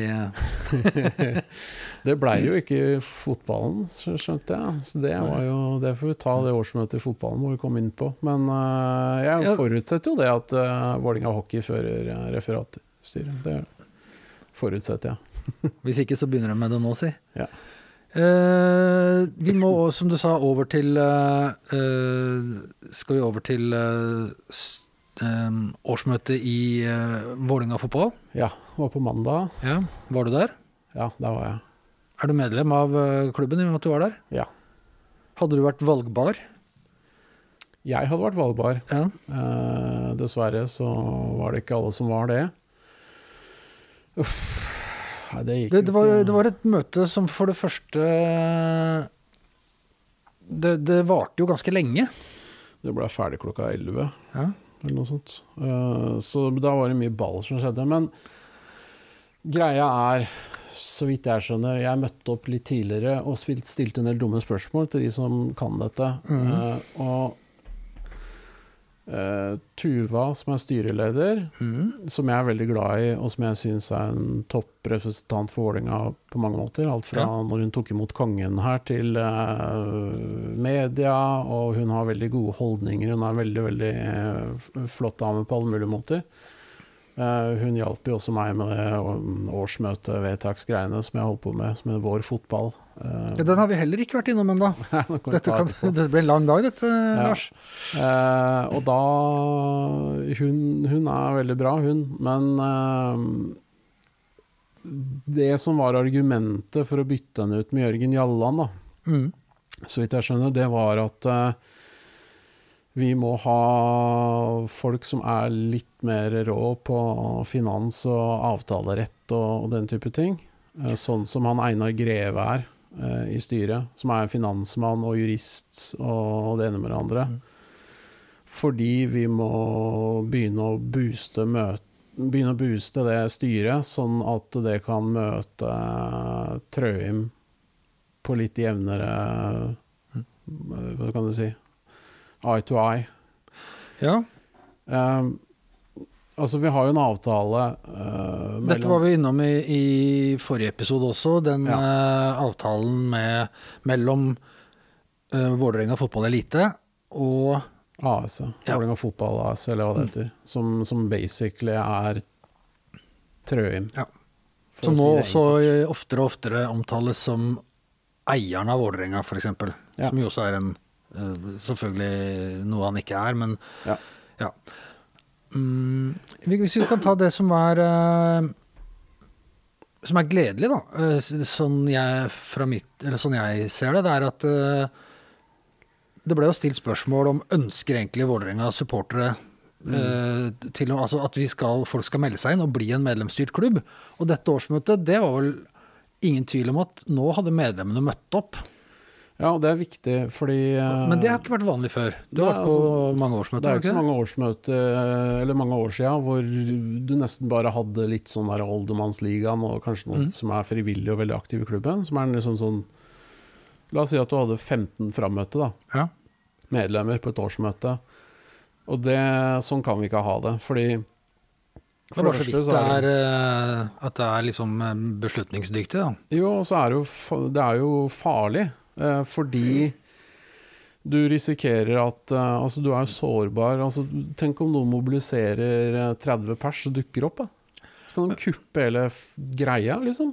Ja, Men var det ikke egentlig akkurat det som skjedde nå? Hvis du tenker på det VAR-vedtaket som kom ut av det. Det jo, vil jo sikkert klubben For eh, klubben ønska jo ikke Ja, la Eh, ikke, eh, ikke et kupp i den forstand. Nei, så Det er jo medlemmer som fremmer et forslag og får det vedtatt fordi de veit de er mange. Ja, men det er jo på en måte demokrati. Det jeg tenkte på, var mer sånn der eh, hvis 50 Lillestrøm-fans plutselig dukker opp fordi de har meldt seg inn i Vålinga, så bestemmer de for oss å fucke hele klubben, liksom. Eh, Men uh, det som skjedde med VAR-vedtaket, var jo at klubben hadde jo ikke spurt medlemmene hva de mener. De hadde gått til sport, og sport, altså det vil si Fagermo, mm.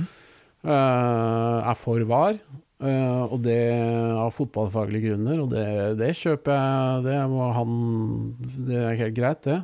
Men, Ja, det er veldig eh, mange fotballspillere og trenere som Ja. syns dette er en bra løsning, så Og jeg skjønner jo det, jeg òg. Og jeg tror at jeg kunne vært Hvis, hvis det hadde vært f.eks. en sånn AI-assistert Instavar Insta-var som, som tar offsider sånn der og da, og bøsser eh, et armbånd på armen til dommeren, sånn at de kan ta det med en gang, så kan det godt hende jeg hadde vært for det. For da mister du ikke den spontaniteten osv.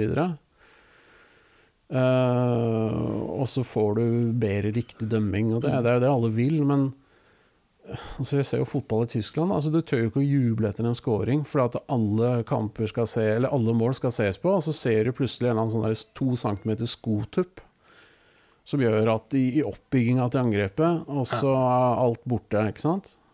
Ja, og hvorfor VAR liksom ikke er noe vi som supportere ønsker oss, det tror jeg vi har på det rene. Ja. Så da endte det jo med at eh, medlemmene Det ble fremma forslag på årsmøtet, og så overstyrte medlemmene det klubben tidligere hadde bestemt, sånn at Vålerenga nå skal jobbe mot VAR. I neste. For å jobbe mot, altså Nå er vi inne i en avtaleperiode, den får vi ikke gjort noe med. Men neste gang det kommer opp, når TV-avtalen skal forhandles, Så da skal Vålerenga fotball elite jobbe imot VAR. VAR. Og det tror jeg det er flere klubber som har sånne vedtak nå, så det er ikke sikkert at VAR blir videreført, eh, faktisk. Så det er jo et eksempel på medlemsdemokrati som fungerer, og at det er medlemmene som bestemmer. Eh, men det kommer jo en del eh, beskyldninger mot klubben eh, og styret eh, i, i det årsmøtet. Mm. blant annet ganske graverende beskyldninger fra, fra Erling og fra klanen. eh, som Erling, det er Erling Rostvåg. eh, som er han er vel i styret i klanen. Mm. Tidligere talsmann. Mm. Om at eh, de klubben, uh, altså styret, ikke tar på alvor dette med å få ut nazistene fra tribunen og sånn. Så at styret ikke vil ta tak i det. Fordi det er et fåtall personer som ikke ikke misjonerer om dette på tribunen og holder en lav profil. eh, og så vil de ikke ta tak i det av den grunn. Eh, men det er fortsatt ikke forenlig med eh, å gå på Vålerenga-kamp og være aktiv nazist. Men fins det, liksom? De fins. det er ikke I, veldig 20, mange. I 2023? Ja. De Så er ikke det håpløst umoderne, men det, Det, det er jo, jeg skulle tro de, de tapte jo i 45, da. Men eh, Nei, eh, så Og så kom det fram én særlig én ting jeg beit meg merke til, er at eh, det påstås at eh, styret har feilsitert politiets uttalelser eh, når styret har gått til politiet. Og så har det blitt referert tilbake til klanstyret hva politiet har sagt til dem. Og så har klanen gått til politiet, og så har politiet sagt at nei, det er ikke det vi har sagt, vi har sagt det og det. Så de, de vil ikke ta tak i det. Og det, er- så det rett og slett ser ut til løyet til klanen. Og det gikk vel mest på styreleder, tror jeg. Um, Men har ikke klanen observatørplass i styret? hadde ikke det da. Nei, ok. Og det det var jo et årsmøtevedtak også som gikk mot eh, styret, med Mm. stort flertall. Og ikke bare liksom disse aktive, eh, vanskelige folka som meg og Ultras-gjengen og sånn, men det var jo mye folk med grått hår også som stemte for at klanen skulle få, få en observatør i styret. For det har vi hatt før, Mm. og da hadde vi mye bedre dialog med klubben. Det funka mye bedre. Da har du liksom en fri samtale hele tida, men nå føler klanen at de ikke blir hørt, og ikke øh, kommer til på samme måte. Så nå Jeg har et, eh, en avtale med medlemmer av klanstyret neste uke, så da Ja. får vi høre De har jo også uh, avholdt årsmøte denne uka. Ja. Det gikk langt kjappere, så vidt jeg skjønte, men uh, da skal jeg få høre litt fra dem også, så da får vi sikkert også høre mer om om Da kan vi sikkert spare mye av dette her til da, men For da, der, det ble også da vedtatt da, mot styrets eh, ønske. Eh, Men det som er greia nå, er at vi må prøve å få et styre som er eh, litt tøffere når det gjelder å stå imot på en måte finansfolk og sånn, sånn Ja. at vi kan møte AS til 2028. Eh, For det er da avtalen skal reforhandles. Den avtalen vi har nå er veldig Jeg vet ikke om det er asymmetrisk, altså jeg er jo ikke jurist, da, men den er veldig skeiv. Mm. Den kan ikke sies opp av klubben. Og så Klubben har inngått en avtale de ikke kan si opp. Altså Det er helt hinsides. Ja, det er rart. Mens Trøim kan si opp avtalen før 1.6, er det vel, hvert år. Uh, Altså Hvis han sier den opp i, før 1. juni, så varer den ut året. Så det er ikke sånn at han går på dagen, men da har han et halvt år på seg. det, ja. ja. Og da har man litt tid til å organisere noe greier. Men det er også det at eh, Altså det har vært litt sånn misforståelser rundt gjeld og sånn. Så vidt jeg skjønner, så er det jo sånn nå har jo ikke Vålerenga noe gjeld til AS eller til Trøim per nå. Greia er at uh, av, avtalen er sånn at uh, alle pengene som Trøim har pumpa inn, skal han i prinsippet i hvert fall få tilbake. Så det vil si at uh, hvis vi skulle selge to Botheimer f.eks., Ja. Og få inn et par hundre mil, så vil Trøim kunne ta 100% av det opp til den mengden penger han har lagt inn. Som nå, etter de der sinnssyke kjøpa vi gjorde i år, mm. som jeg selvfølgelig var veldig begeistra for der og da, for jeg Ja, ja. innså konsekvensen av hva som foregår. Uh, nå er vel den Vi er vel ca. 160 mil i minus mot AS. Så uansett hvor mye Vålerenga fotball elite tjener, så får de ikke noe bedre eller dårligere økonomi. Nei, for alt dette all, all, AS Så, har jo alle rettighetene til alle inntektene, basically, til Vålerenga fotball elite. Til og med eh, spons og billettsalg osv. går jo inn der. Og så gjør man opp liksom totalsummen til slutt, og hvis det går med underskudd, så har jo da Trøen bestemt seg for at han, han tar det underskuddet, og han har gjort det. Ja. Men hver gang det er underskuddet, så blir den summen vi skylder den i anførselstegn, større. Så vi må jo nå Vi må gå 160 mil i pluss for å komme tilbake til null, der hvor vi var med, med Trøim. Men det som er Ja. verre for, altså, det, det er ikke så ille i utgangspunktet, for det er ikke penger vi skylder han. Sånn, det er ikke sånn at uh, han Men kan han kan ikke komme og kreve dem tilbake. Det er nei. bare rett og slett en sånn regnskap, løpende regnskap på hvor vi er, ikke sant? Mm. Men fra null da, og på plussida, Ja. Så har Trøim rett til 80% av inntektene. Ikke 50. Det hadde vært et spleiselag, i det minste. Mm. Han har rett på inntil 80 uh, så vidt jeg skjønner. Og det er jo også veldig, veldig skeivt. Men det, det er dette her jeg, jeg syns det er så rart, da.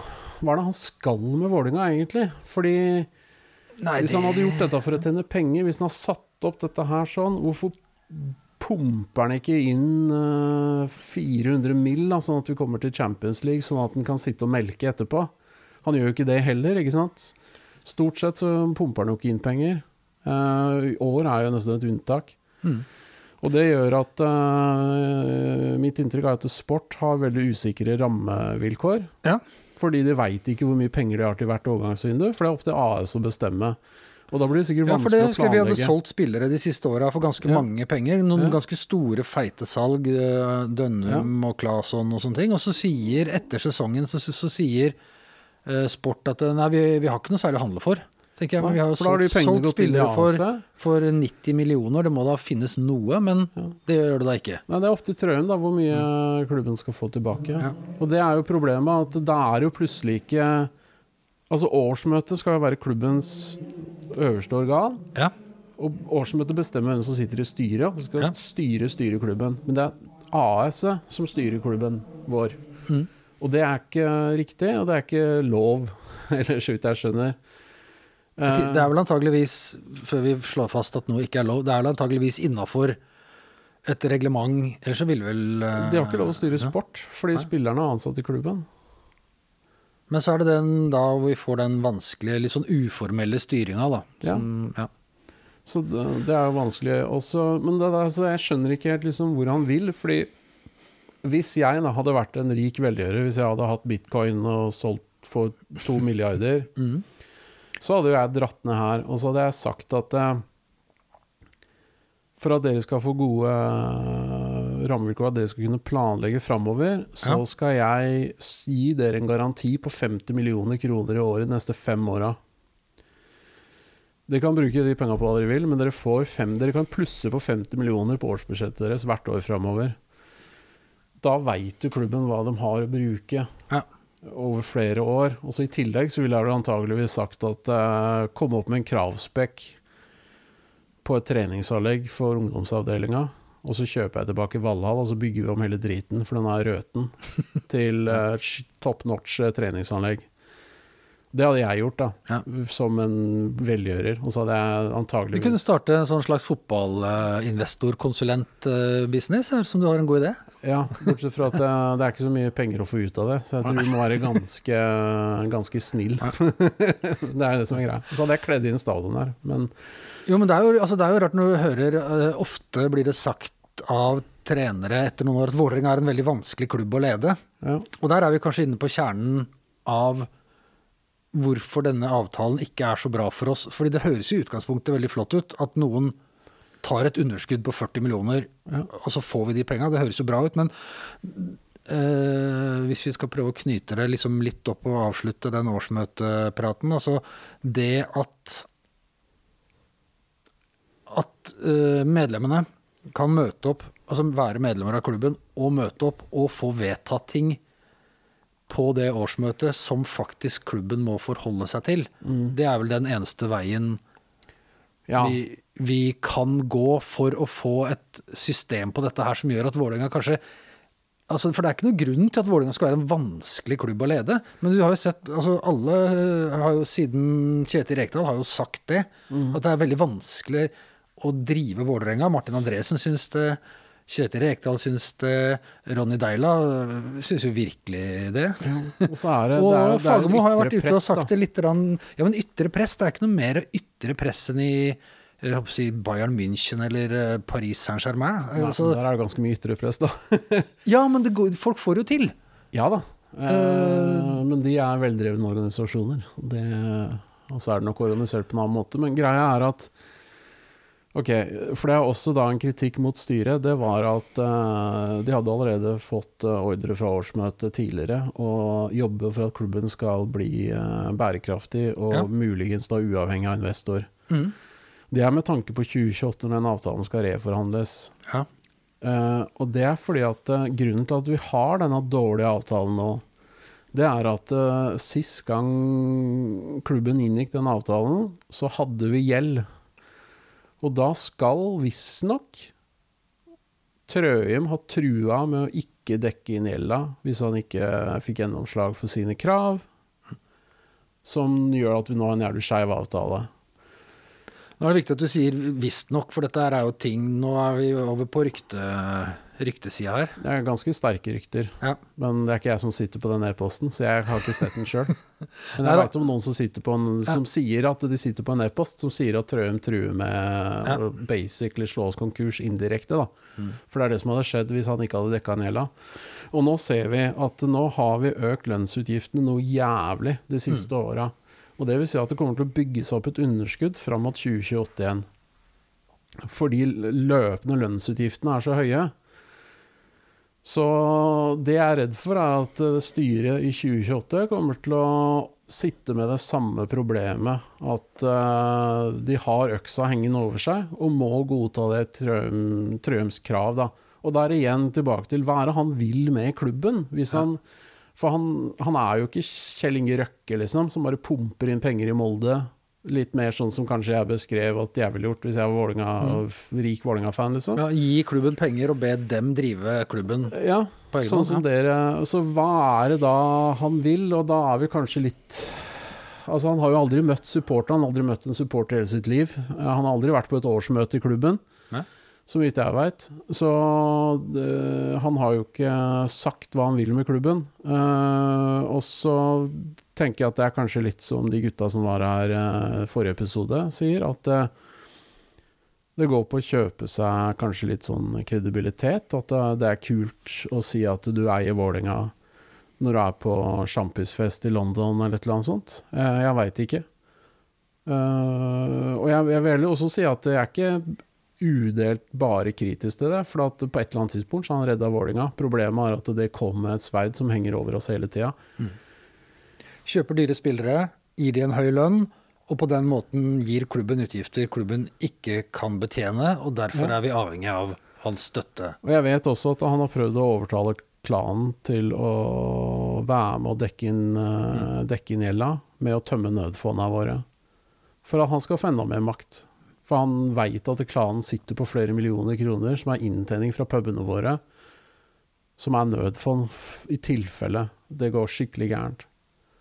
Så hva som skjer fram mot 2028 altså Det blir viktigere og viktigere og viktigere å melde seg inn i klubben og, og møte på årsmøter og sette seg inn i disse greiene. Og jeg mener at det neste årsmøte så bør eh, medlemmene pålegge styret å framlegge avtalen med AWC Og sende ut til alle medlemmene. Sånn at vi kan eh, få lese den. Eh, jeg vet ikke om den er hemmelig, men det er bare ikke sånn som folk uh, Så jeg har den, men eh, ikke, ikke, eh, det er ikke vanlig at eh, folk har den. Men du har den? Jeg har den. Du har den. Eh, nok en gang ikke en pådriver, men en fyr i utkanten. Det er den, det er den grå, grå eminensen her, her eh, Lars. Du, um, um, ehm, ehm, Jeg, jeg, vil ikke framstille meg som noe sterk influenser eller noe sånt. Altså. Det, men eh, nei. Jeg bare bryr meg litt her og der. du, bare, bryr, ja, du brøy deg litt uh, Skal vi se, vi har fått uh, Vi har fått ganske Du har vært så vidt inne på det nå, når du snakker om å bry deg. Den siste saken før vi går over til spørsmåla vi har fått inn. Ja. Uh, Fotball-VM. Jaggu brøy du deg ikke der òg? Ja. Eller rundt sportsvasking. Der, der var det en uh, supporteraksjon før forrige runder med årsmøter, som Mm. het Vår fotball. ja. Og eh, det Der hadde du jaggu stikket fram nesa di der òg. Og mer enn nesa. Ja, nei, altså det starta med litt høyttenkning da, i sosiale medier. Uh, fordi jeg har veldig trua på å få til forandring på en måte med utenifra, og med å lage på en måte en bevegelse, på en måte. da. Ja. Så vi, og dette, dette her sammenfalt jo med Qatar-VM, sånn, så det var veldig lett å få litt traction på det da. Mm. Eh, har tenkt, det, det begynte med at jeg begynte å høyttenke. Liksom, Hva var, hva, så, eh, hva, hva, var det? Det okay. var en- altså Vår fotball var et initiativ for å få klubber til å si nei til sportsvasking. Som slett. ja. er eh, sponsoravtaler med, ting, med, med regimer som vi ikke liker, da. Som bryter menneskerettigheter osv. Uh, Ja, det går ikke bare på hva vi liker og ikke liker, det var noe litt mer håndfast enn det. Det går ikke sånn at jeg liker ikke Frankrike. Eh, Ikke sant? Vi kan ikke, det er ikke Det, er, det Hva var har du imot Frankrike? Nei, jeg liker Jeg har ikke noe problem med Frankrike, men det var et tenkt tilfelle, da. Nei, jeg skjønner hva du mener. Ja. Altså, det går på men det var det som Eller jeg liker ikke Belgia, så Nei eh, Mot sportsvasking. mot sportsvasking, som er da bruke F.eks. sånn som Qatar engasjerer seg i PSG, da, ikke sant. Mm. De setter navnet sitt på drakta, og de assosierer seg med stjernespillerne på alle mulige måter for å heve sin profil ved å bruke den fotballklubben, som selvfølgelig er veldig glamorøs. Ikke fordi den er glamorøs i seg sjøl, altså det er egentlig en eh, underpresterende klubb som er stifta på 70-tallet, så det er ikke noe særlig sånn prestisje sånn sett. Men de har byen. Mm. Det er i Paris, og det er jo en av verdens kulturhovedsteder, ikke sant. Som er veldig glamorøst og sånt noe. Og da rubber det av masse gode greier på Qatar. Eh, Så det er jo sportsvasking. Og så høres det jo litt sånn corny ut å komme med det Norge, for hva skal liksom Qatar Airways med, med Norge? Vel, Norge er et land som er veldig kjent for å ha gode eh, verdier og sånn når det gjelder menneskeretter. Vi jobber mye med det, sånne ting. Eh, så det er billig å sponse norsk fotballklubb. Mm. Og Qatar Airways flyr på Gardermoen. Mm. Eh, Emirates, tror Ja, jeg også. var du redd for at det, de skulle ta over en norsk klubb? Ikke ta over, Eller men bli draktsponsor, for Ja. eksempel. Det er jo ikke utenkelig, det.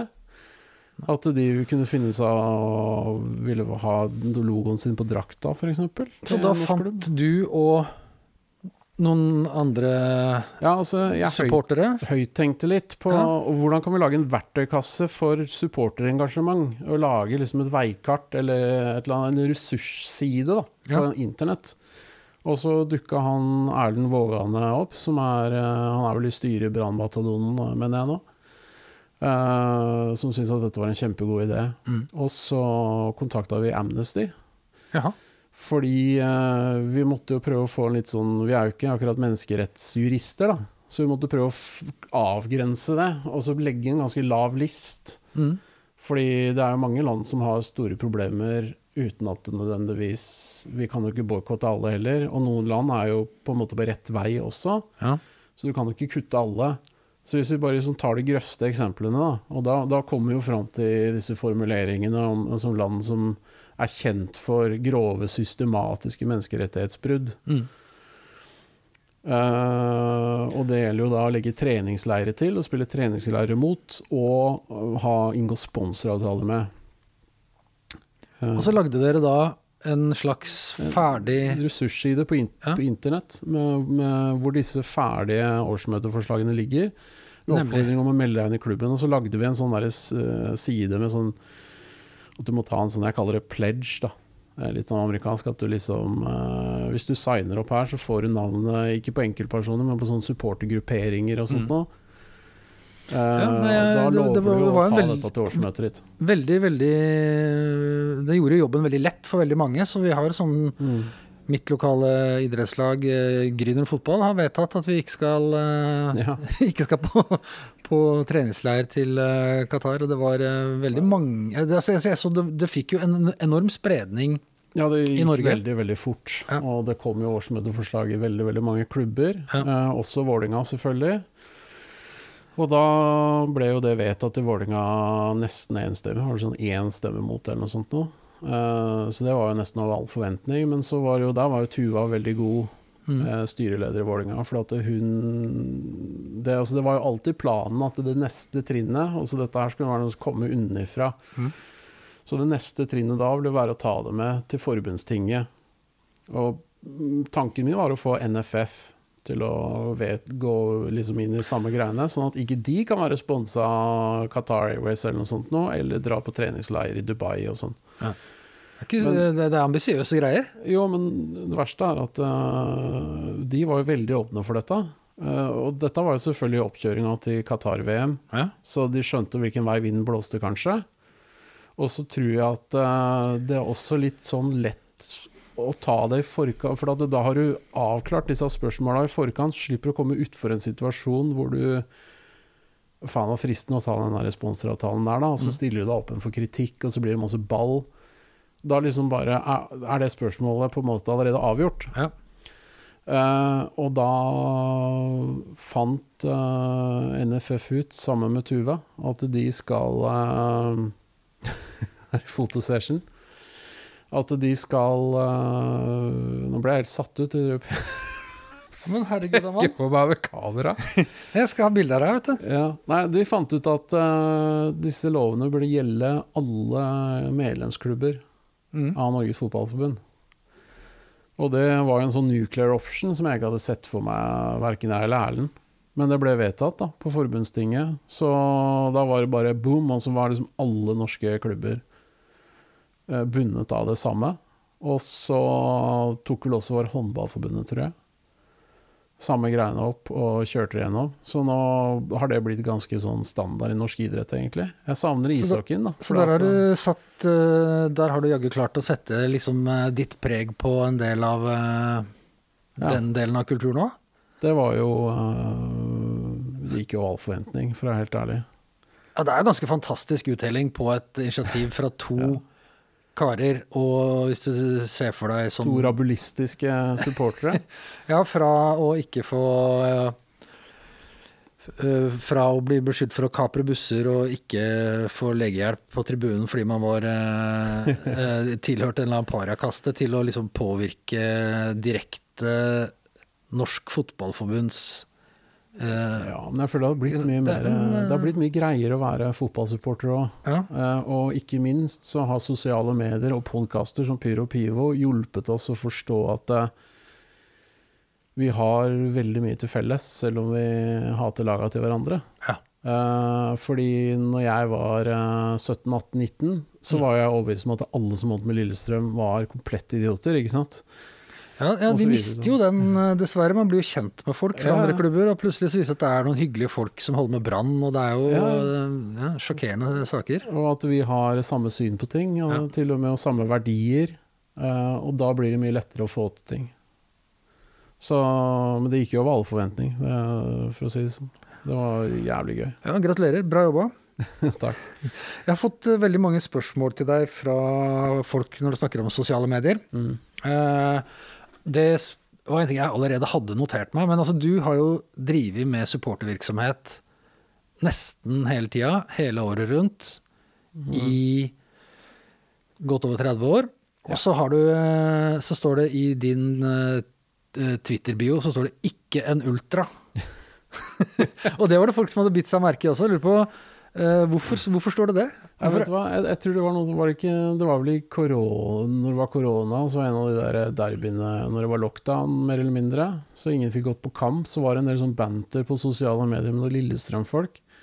Jeg husker ikke helt hva det gjaldt, for å være helt ærlig, men det var et eller annet med disse Lillestrøm-folka som mente at eh, jeg ikke burde Eller at jeg hadde sagt noe feil i forhold til liksom Ultras-kodeksen og sånn, for de trodde at jeg var med Ikaros. Jaha. Eh, jeg er en 45 år gammel gubbe, jeg er ikke med i Ikaros, så Så du er ikke en ultra? jeg er ikke en ultra. Så da bare la jeg igjen det i bioen min litt sånn for moro skyld, og så tror jeg jeg har glemt at det egentlig står der. Ok, Så det er ikke et statement som liksom henger igjen med at du er imot ultraskulturen og gjerne Nei, altså, jeg, stått der med jeg er pro ultras, eh, pro ultrakultur, mm. Bare er ikke en ultra selv. Eh, hvis jeg hadde vært eh, 17 år og vært på min første match i dag, så hadde jeg garantert vært midt inne i det koket der. ja. Men uh, når du har grått hår og grått skjegg, så Men det, og da, det, det leder ganske kjapt over til et annet spørsmål, som kommer fra eh, fra selveste capoen vår, Shanten, som stilte spørsmål eh, Fortell om Fordi du er da med i en gruppering. ja. ja. Vi er vel en gruppering, for så vidt. Det har et navn. men vi har et navn og et banner. Og et eget banner Ja. eh, som heter Brigade Rolf Søder. Ja. Uh, her er spørsmålet hva, hva er bakgrunnen for navnet? Hvorfor har dere laga en egen gruppe? Er den gammel? Den har, den har holdt på en ganske god stund. Uh, Hvor kommer navnet fra? Begynn der, da. Det var vel uh, Hvem er Rolf Søder? Jørund som fant på det tidlig 2000-tallet. Ja. Rolf Søder var en skuespiller.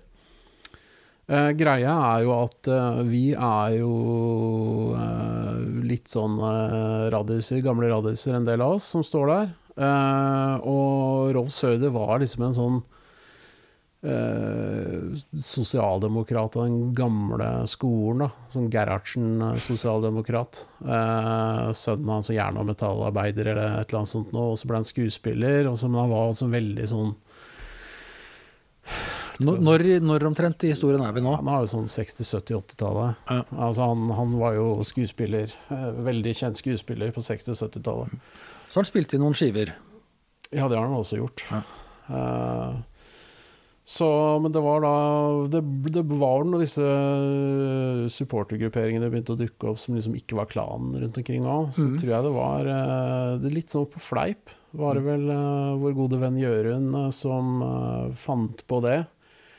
Vi snakka altså om uh, Lalla Carlsen Ultras eller et eller annet sånt. Det, er bare sånn, det var egentlig litt sånn på kødd. Og så ble det lagd et banner som det sto, sto Brigader Rolf Søder på. Som vi blant annet hadde med til uh, Göteborg, IFK Göteborg borte i Royal League. Og så Og da er vi rundt og, altså Royal League. Da er vi, ja, ja. Eh, Og så var det Ser vi på 20-årsjubileum nesten, da? ja, med kanskje 15 års inaktivitet eh, imellom, eller 10 års Ja. imellom. Uh, men det som skjedde var at vi fant ut at vi hadde lyst til å samle oss, for at det er jo mange Den gjengen der har en, et ganske stort uh, overlapp med St. Pauli-fans, eh, som henger på Bohemen og ser St. Pauli, uh, og så holder de med Vålerenga. De fleste av oss. Eh, det er noen som ikke holder med Vålerenga der òg, men de som gjør det, vi ganske stort overlapp da, med det som skulle bli Brigaderov Søder på, når vi fikk ny stadion. For da fant vi ut at da ville vi lage et nytt banner og på en måte gjenopplive greia, og så bare stå litt på sida. Stå foran en av de inngangene som ikke er, er ikke på midt på, men liksom være en Ja. Oppleve den nye tribunen og prøve å bidra litt. Og eh, har, ambisjoner? Eh, jeg vet ikke, er det, er, det en gruppering med en ambisjon? Jeg tror ikke vi kommer til å se oss prøve å storme midten på blokka for å, en sånn internboksing for å ta over styringa av tribunen, for å si Nei. det sånn. Jeg, jeg, jeg du trenger ikke sånn- bekymre seg for det. Du, du ikke, han trenger ikke være redd for at du er ikke ute etter Kapo-plassen, liksom? Nei, absolutt ikke. Nei, vi har ingen ambisjoner. Ingen Eh, ambisjoner. Vi bare er der for å, for å ha det gøy. Så uh, for, jeg har også s- fått spørsmål fra, uh, fra Mikkel uh, om aperopet i 2023. Ja, Er det noen planer der? For altså, for, Kjapt innpå hva det er. Det Ja. er, springer ut fra klansropet og apestreken. ja, det er en navnekombinasjon av apestreken og klansropet. Ja, og den fins ikke lenger som noe annet enn en spalte som dere har fast i Dagsavisen nå. Det er ikke et eget blad. Nei, derfor har jeg en blogg da, som Ja. heter paperopet.no. Eh, og den har forandra seg litt. det- Først så var det liksom bare en blogg, og så ble det Var det ikke en fanzine først? Nei, Nei, aldri vært. aldri vært. Eh, og så hadde vi mye kampreferater, men vi føler nå at vi er litt for slitne. litt sliten av det. eh, litt lei av kampreferater, annet fordi at eh, ikke sant, det er mandag, og du har tapt, og så må du hjem. Skrive kampreferat at en kamp du har tapt, som ingen gidder å lese. Uh, blir sittende seint uh, oppe bare for å liksom få det ut. Det er ikke så jævlig inspirerende. Så jeg tror vi kommer til å slutte med kampreferater i 2023, og bare ha litt mer løs blogging. Uh, men vi har også en spalte i Dagsavisen, da. Ja. Og den har vi jo hatt. Og den blir videreført i år? Ja, det vil jeg tro. Rykte om at det blir en aperope-pod i 2023? Ja, vi har snakka om pod, men det har vi snakka om ganske lenge. Men nå har jo denne her kommet, da, og VPN-pod har jo gjenoppliva seg. Så jeg vet ikke om det er nødvendig å ha en apropos-pod. Vet ikke. Jeg hadde hørt på den. ja. ja da, men eh, nei, nå er det jo Vålerenga-universet har vel nå to podder, eh, minst. Så det må jo være bra, vel. Utafor klubben. Klubben Ja. har jo også ja, klubben en, sin har også egen en pod. Så da, det er jo metta marked. Tam. Ehm, så er det også en som har spurt om, eh, siden du er en eh, kjent sånn eh, ølhund, Østblokkapilsen. Kan du kaste et terning på den? Jeg syns den er god. Eh, veldig lett å anta i forkant at det kommer til å bli sånn, litt sånn minste felles multiplum-øl, som er lett og lys, sånn at alle kan drikke den i sola og sånn. Men den er overraskende humlete, syns jeg. Mm. Så jeg ruller en femmer. Jeg syns det er en solid pils. Og da er du på terningkast. Ja. Terningkast fem. Ja. Så går overskuddet til en god sak. Ja, det gjør det vel òg. Ja, til Enga Tifo, gjør det ikke det?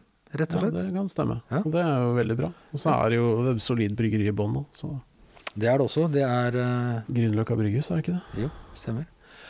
Eh, Så vi har fått spørsmål fra en som eh, har Twitter-navnet Misantropenatt. Eh, Da er vi tilbake til valgkomiteen, da. Mm.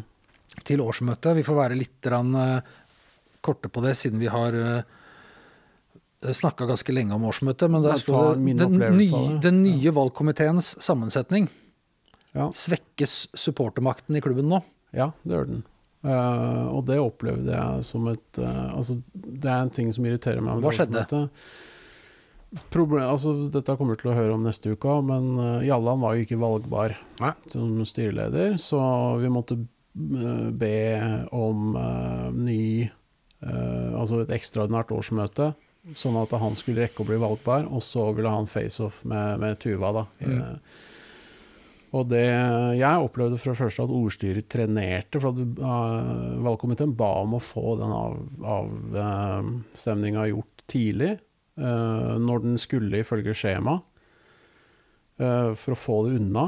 Uh, men uh, ordstyrer trenerte og trenerte og trenerte, og så endte det i masse saging av valgkomiteen. Mye av det er fortjent, for de hadde jo en, en kandidat som ikke var valgbar. Uh, og bare rør med prosedyrekrangel og forsvarstaler og kamptaler og valgkamp eh, osv. I stedet for at du bare tar den av, avstemninga og blir ferdig med det. Um, så når den først ble gjennomført, og Tuva vant eh, Jeg vil bare understreke igjen, jeg har ikke noe imot Tuva.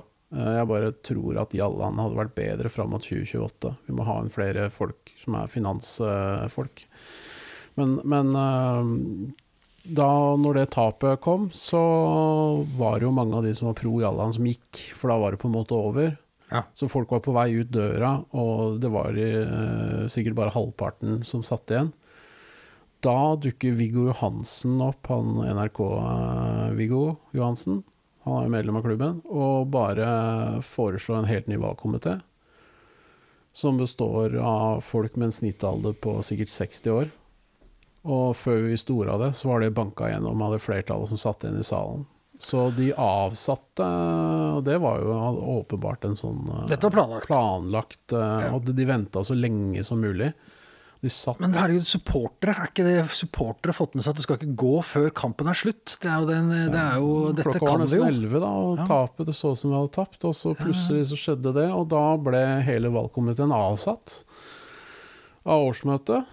Ja. Uh, og de som satt igjen der, og det var jo hele Aldermannsligaen og, og sånt noe. Jeg syns det var egentlig jævla trist, for at det lagde en sånn sånn sur avslutning på det, hvor på en måte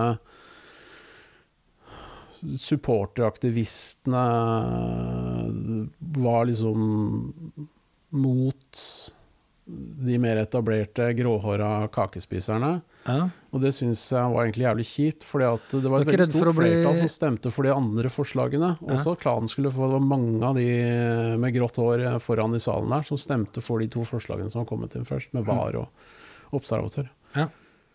Nei, så, så det føltes som et eh, ganske sånn eh, Litt sånn Litt uggent, da, men reglementert. eh, og sikkert eh, De vil sikkert kalle det rutinert. Ja, det, Eh, det er vel noe Hvis eh, den mer sånn eh, supporter-aktivist-delen av klubben eh, Det det er noe læring å hente her, i hvert fall. For dette er folk som har vært på årsmøte før. De har vært på en del årsmøter. Ja, og, og- da Det ble jo annet da Jon Nordbrekken ble jo leder. Han, Og- han har vært eh, Han har vært der daglig leder, eller han er styreformann, eller hva han har vært for noe i klubben før. Mm. Uh, han uh, mener jeg å huske stemte for ekstraordinært årsmøte for å få en Jallan. Ja. Så han hadde den, og så tror jeg også han stemte for det VAR-forslaget. Så, altså, han er en helt grei fyr, han. Eh, Jeg har snakka litt med han, selv om han er oppe i åra, liksom. Men eh, han er kanskje ganske pro Trøim, vil jeg tro. Nå skal ikke jeg sitte her og anklage folk som ikke er her. eh, Nei, og det er vel heller ingen anklage å være pro Trøim. Altså, han eh, har jo et samarbeid med klubben, så det er vel bare Ja. at man, du antar at han er det. Jeg antar det. ja. Men det som kanskje plager meg er sånn Gunnar Stavrum, da, altså redaktør i Nettavisen. Jeg mener jo at det er en, den redaksjonelle linja som, som Nettavisen ligger på, er jo nesten uforenlig med Vålerengas verdigrunnlag, liksom. Hmm. Med eh, nærmest kampanjer mot uh, gitte politikere, altså kampanjer, journalistikk, som, som er veldig sånn høyrepopulistisk. Jeg syns ikke noe om det i det hele tatt. Så dette svaret ditt uh, er at ja, du mener supportermakten ble svekket. Og, Ja, jeg er redd for at og det blir eh, ikke mindre viktig å være medlem av klubben og stille på årsmøtet neste gang. Nei, og det skal bli spennende å se hva slags eh, folk de eventuelt kommer opp med til eh, neste styre, da. Ja, Vil de prøve å bumpe ut eh, Ole Kristian Sandvik f.eks., som er en, eh, supporternes mann i styret, som sitter her som vara og har gjort en, eh, så vidt jeg skjønner, en utmerket jobb. Vi vet jo ikke Kanskje de bare vil fortsette som før. Eh, kanskje de også vil ha inn noen skarpe huer som kan stå imot Trøim. Jeg aner ikke, men jeg er litt bekymra. For at det blir flere kakespisere og, og gråhår i styret. Ikke noe gærent å ha grå, jeg har grått hår, jeg òg. Jeg skulle til å si det. Vi får uh, vi, vi- må, vi må ha folk Det er jævlig viktig fram mot 2028 at vi har folk som er skarpe, som er på ballen. Sånn at ikke vi ikke havner i et enda dårligere avtale etter det. En som heter Agnes Viljugreim, eh, har sendt et spørsmål som eh, er som følger. Det var litt fordi jeg lanserte dette som en historietime med Lars. Nå har vi spora godt av. Eh, hvis man melder seg inn, altså melder seg inn eh, og begynner å gå på kamp, eh, hva er det viktigste man bør vite om Vålerengas historie? Ja, den så jeg, den har jeg tenkt mye på. Ja, Jeg vet ikke, altså. Jeg har ikke lyst til å så liksom diktere eller definere hva Vålerenga skal være for andre og sånne ting. Du er jo, driver jo og påvirker og prøver å, å farge Vålerenga hele tida, så det er jo rart hvis du ikke Ja, men Ja. eh, jeg har ikke Nei, jeg, jeg, jeg mener sjøl at jeg ikke har hatt så stort gjennomslag, egentlig. Eh, Den der vår fotballgreia var jo selvfølgelig eh, Den var jo gøy, men jeg, jeg veit ikke hva Vålinga, eller hva folk skal vite om Vålinga. Kanskje vite altså, Så bør lese seg opp på historien, da. Noen tror jo at Vålinga alltid har vært en veldig sånn venstreorientert klubb, f.eks. pga. Vålinga mot rasisme og sånn. Men det stemmer jo ikke. Altså, tradisjonelt er det en borgerlig klubb. Mm. Eh, vi var er det- ikke er det- arbeideridrettsforening, f.eks. Men er det det viktigste man eh, bør vite? Nei, nei, nei. nei, bare, nå sitter jeg og tenker litt på historien. Jeg, jeg vet ikke om det er hva er som er viktig å vite. Jeg, jeg synes Folk kan vektlegge det de syns er viktig selv, egentlig. Du får være den du er i Vålerenga. Mm. Det, synes, det er kanskje det viktigste. Så er rom for, rom for de fleste. Så lenge du ikke eh, står for ting som går på bekostning av andre mennesker, kan du si. ikke det greit, da? Jo, det, det, det er greit. Det, det, det er ditt svar. Jeg syns det var et fint svar. Ehm, vi begynner å, å runde mine notater. Jeg vet ikke, er det noe du uh, Du hadde jo med deg en kjempesekk med fanziner som jeg hadde tenkt å ta frem Ja. her. Det har vi ikke fått gjort. Jeg lurer på om det blir en annen sending, jeg. For nå har vi eh, Ja, nå har vi vært eh, nå har vi. Ja, men eh, og Jeg du, har, du hatt har jo med deg tilbake fra 90-tallet. Altså, du er jo en fanzinekonissør. Jeg setter veldig pris på det. det. Det er din fanzinesamling. Blåkors. Fanzine som jeg tror bare har kommet ut én gang, i 2001. 101 Børre Bjerkelands uh, Bidrag. fantastiske bidrag. Det er Mye kule TIFO-bilder fra 90-tallet her. Ja. Mye modern talking inni her, da. For det er jo, men bilder fra borteturer. Mm. Vi har Alle rettigheter, en gammel klassiker som var en Mm. kjempefin fanzine. Så har vi selvfølgelig Gamle Klansrop fra 96 med Frank Strandli, Norges nye pornostjerne. 'Jeg er for feit for fotball'. Nummer 4, 96. Kanskje like greit at uh, dette er lydmedie, så vi ikke ser uh, Dette kan jeg utmerket vel få lagt ut bilde av etterpå, men som sagt, den, eh, dette er eh, at lydfanzina har kommet. Det gjør at vi eh, vi vi, vi slipper, slipper de verste blødmene. Men, men det setter jeg kjempestor pris på. Det er et enormt fanzinearkiv du har tatt med deg. Men noe du vil noe du vil eh, si som spørre meg om, eller noe du vil eh, si? Hva gleder du deg mest til nå som sesongen snart begynner? Eller gleder du deg til sesongen begynner? uh, Nei, jeg har en jævlig dårlig følelse, må jeg innrømme. Men er det viktig for deg at klubben gjør det bra sportslig? Jeg syns det er trist når vi ikke gjør det, fordi det blir så jævlig mye drit utenfra. Uh, og da syns jeg at det er veldig trist på vegne av oss alle som, som er her. Det er og det, jeg syns ikke at det er forenlig, det at det, det er opplest og vedtatt at klubben skal ha med, ta medalje, samtidig som vi har altfor mange unge spillere. Selv om det er veldig gøy å ha mange unge spillere, så må vi prøve å være litt realistiske med måla. Ja, vi tar ikke medalje i år. Nei, jeg tror vi så, eh, Hvis vi skal ta medalje, så må fire-fem av de unggutta må slå igjennom 100% og da det spørs om det skjer. Så eh, ja, sjuende, åttende Det er ditt tips. Eh, Jeg er redd for det. Ja. Eh, Men hva er det du gleder deg til, da? Til varmen kommer. Jeg hater kulde. Jeg har gått og fryst siden november. Ja. Så når varmen kommer, så blir det match i T-skjorte og shorts. Altså, det er noe av det beste med norsk fotball, er at det spilles om sommeren. Ja. Det, er bare, det blir helt nydelig. Det har blitt ganske ålreit å gå på kamp her òg. Ja, jeg syns det. Med det opplegget ute her, eh, med øst og med grilling og Altså, det er dritbra. Det, det er ikke mange som, som, som er så heldige som oss, som har det. Det syns jeg er helt topp.